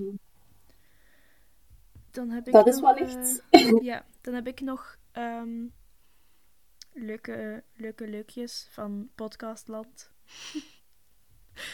Mijn lievelingsland. Ehm, het podcastfestival. Ik en Noom gaan er naartoe. Ehm, ik, heb, ik had dat normaal voor zijn verjaardag gedaan. Eh, dat was in het begin van december. Door corona is het verzet naar begin april. Wij gaan denk ik de zaterdag gaan. Ehm, de volksjury Oh, gaat daar ook zijn. Joepie. Ehm, Wacht, wacht. Is dat begin, begin april? De eerste, het eerste weekend eh, van 1, april? en, 1 en 2 april, denk ik, ja. Oh my god, ik de ben dan ook de weg. zaterdag. Ik ben dan ook weg. Maar wij, gaan, wij nemen toch woensdagen op, dus... hm. Ja, ja, ik weet het, maar ik vind het gewoon grappig dat we alle, allemaal weg zijn die dag. Ehm, voor de rest... ehm, Dan, dan, dan ga ik dat kostuum... aan- Allee, hopelijk. Ik hoop echt dat het op tijd gaat toekomen. Anders ga ik wel Star Dash dragen of zo. ja, tuurlijk. Ehm, dat gaat maar- al op tijd komen, ze, denk ik. een maandje. Ik heb nog een maandje of zo. Dat komt wel toe. Ehm, maar ja, ik heb- weet maar nooit. Ehm, maar ja, ik, ik ga dan mijn kostuum aandoen. Ehm, voor op het podcastfestival. Ik hou zoveel van elke podcast daarin. Alleen niet elke. Ehm, maar ik was al sowieso fan van de Volksjury. Eh, ben je nog aan het kijken met Xander de Rijke en Welcome to the AA. En door de Standaard Podcast Festival ben ik beginnen luisteren naar ehm, Dead Eyes. Dat is ehm, in het Engels een actor-comedian Connor Radcliffe. Hij, gaat, hij zit op een quest. Hij interviewt acteurs. Omdat hij ene keer ehm, is... eh, hoe noemt je dat? Ik weet het niet. fired. hij is één keer ontslagen Oh, geweest door Tom Hanks. Omdat hij zo Oh. gezegd dead eyes had. Ehm, heel grappig, heel leuk. Eh, kletsuurtje vind ik ook heel leuk. Van,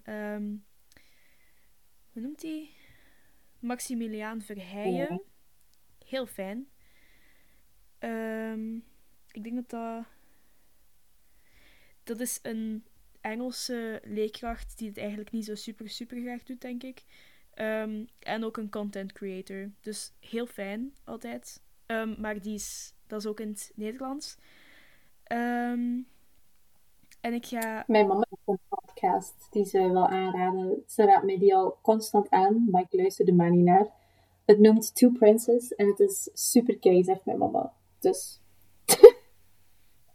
Zoekt het op. het is zo een, ver- het is zo een verhaal ehm, podcast. Ze vertelt zo een verhaal over twee prinses. En dan in seizoen 2 wordt er gezongen ook. Dus ja, De podcasts en shows. Het ziet er zo fucking gay uit. Hoho, Mijn mama zegt dat het goed is. Het Dus ik ga er naar luisteren. Als ik op de bus zit vrijdagavond, ga ik er naar beginnen luisteren.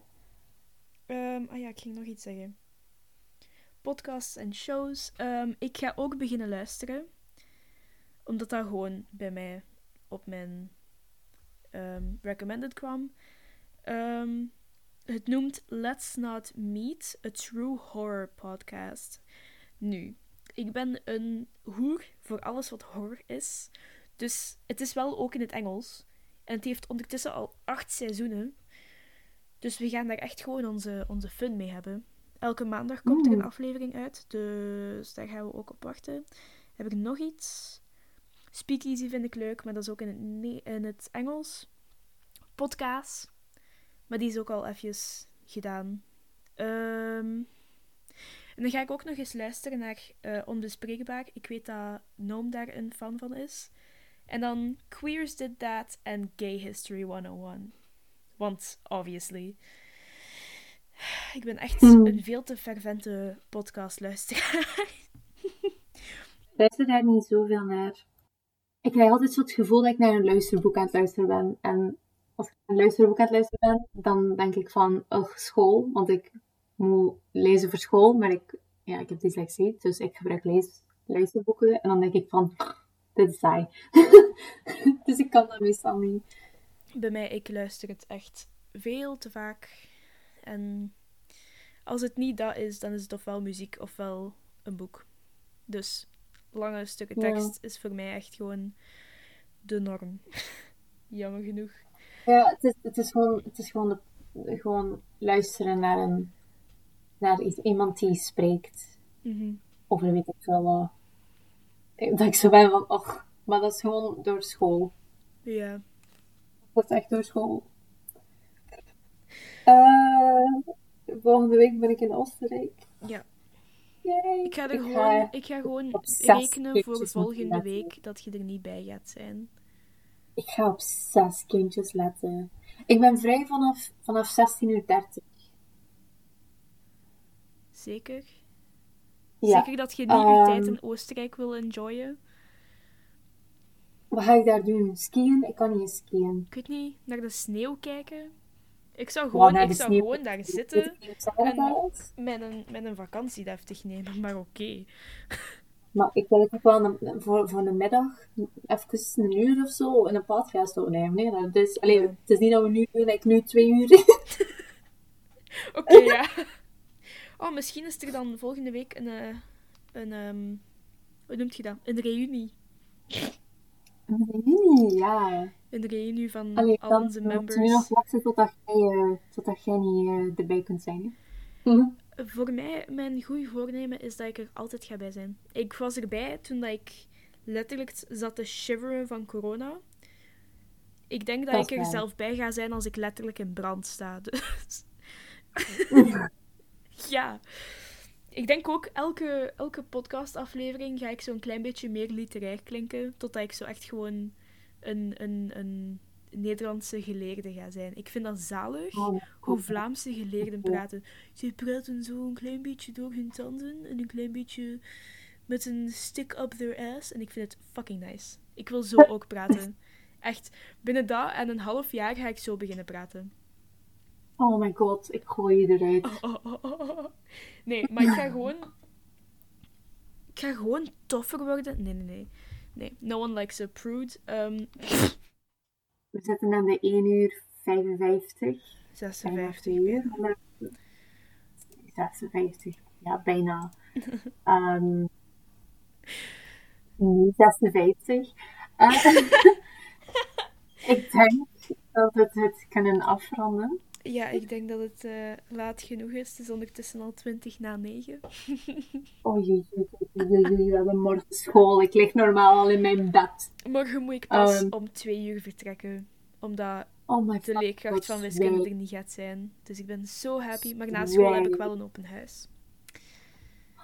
Dus wel stress. Maar Ik moet er van 8 uur 30 al zijn. ja, eh, Mijn bed in de ochtend. Dat is echt erg. Jesus. Ik lig, normaal sta ik op om 5 uur 15. Mhm. Nu sta ik op om 6 uur. Hell yeah. As you Omdat, should. weet je wat ik doe? Ik kleed mij aan.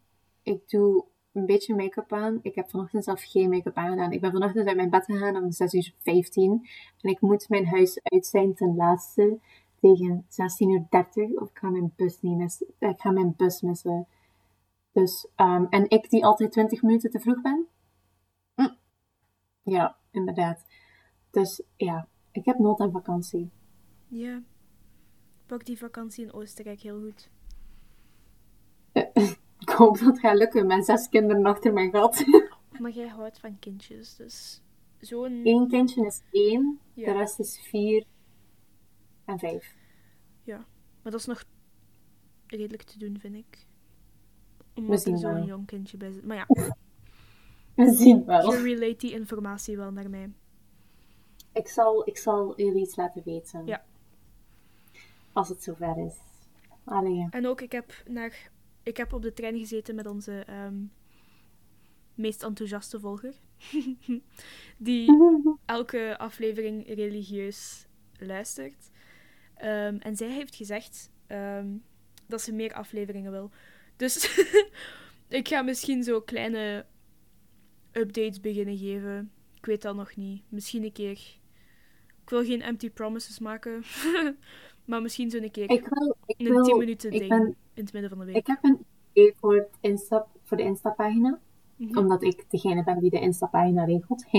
Ja. Ehm, maar ik wil het een verrassing maken voor de luisteraars. Dus ik ga er Straks ga je het wel eens zeggen tegen mij. Ik ga het straks zeggen tegen jou. Dat is super lief. Maar de bedoeling is dan wel dat we beter georganiseerd zijn met welke episode dat we volgende week gaan plaatsen. Oké. Meer ga ik er niet over zeggen nu. Ehm, dus ja. Maar dan ga ik... Ik ga er wel mee bezig zijn, want ik ben meestal de persoon waartoe dat het komt om te kiezen welke, waarover dat het gaat gaan. Maar Niet altijd. ja, Maar de hebben laatste tijd een, we wel. hebben een hele lijst. We hebben een hele. Hey, de- deze keer was het uit mijn mond hoor, dat kwam. Maar nee, de laatste tijd is het gewoon ik plus andere persoon geweest. Mm, en ja, ah, zo. Dus daarom is Ik het de laatste tijd wel... ideetje. Ja, maar ik, ja. Maar je moet het dan Maar we kunnen het altijd niet aan doen, oké?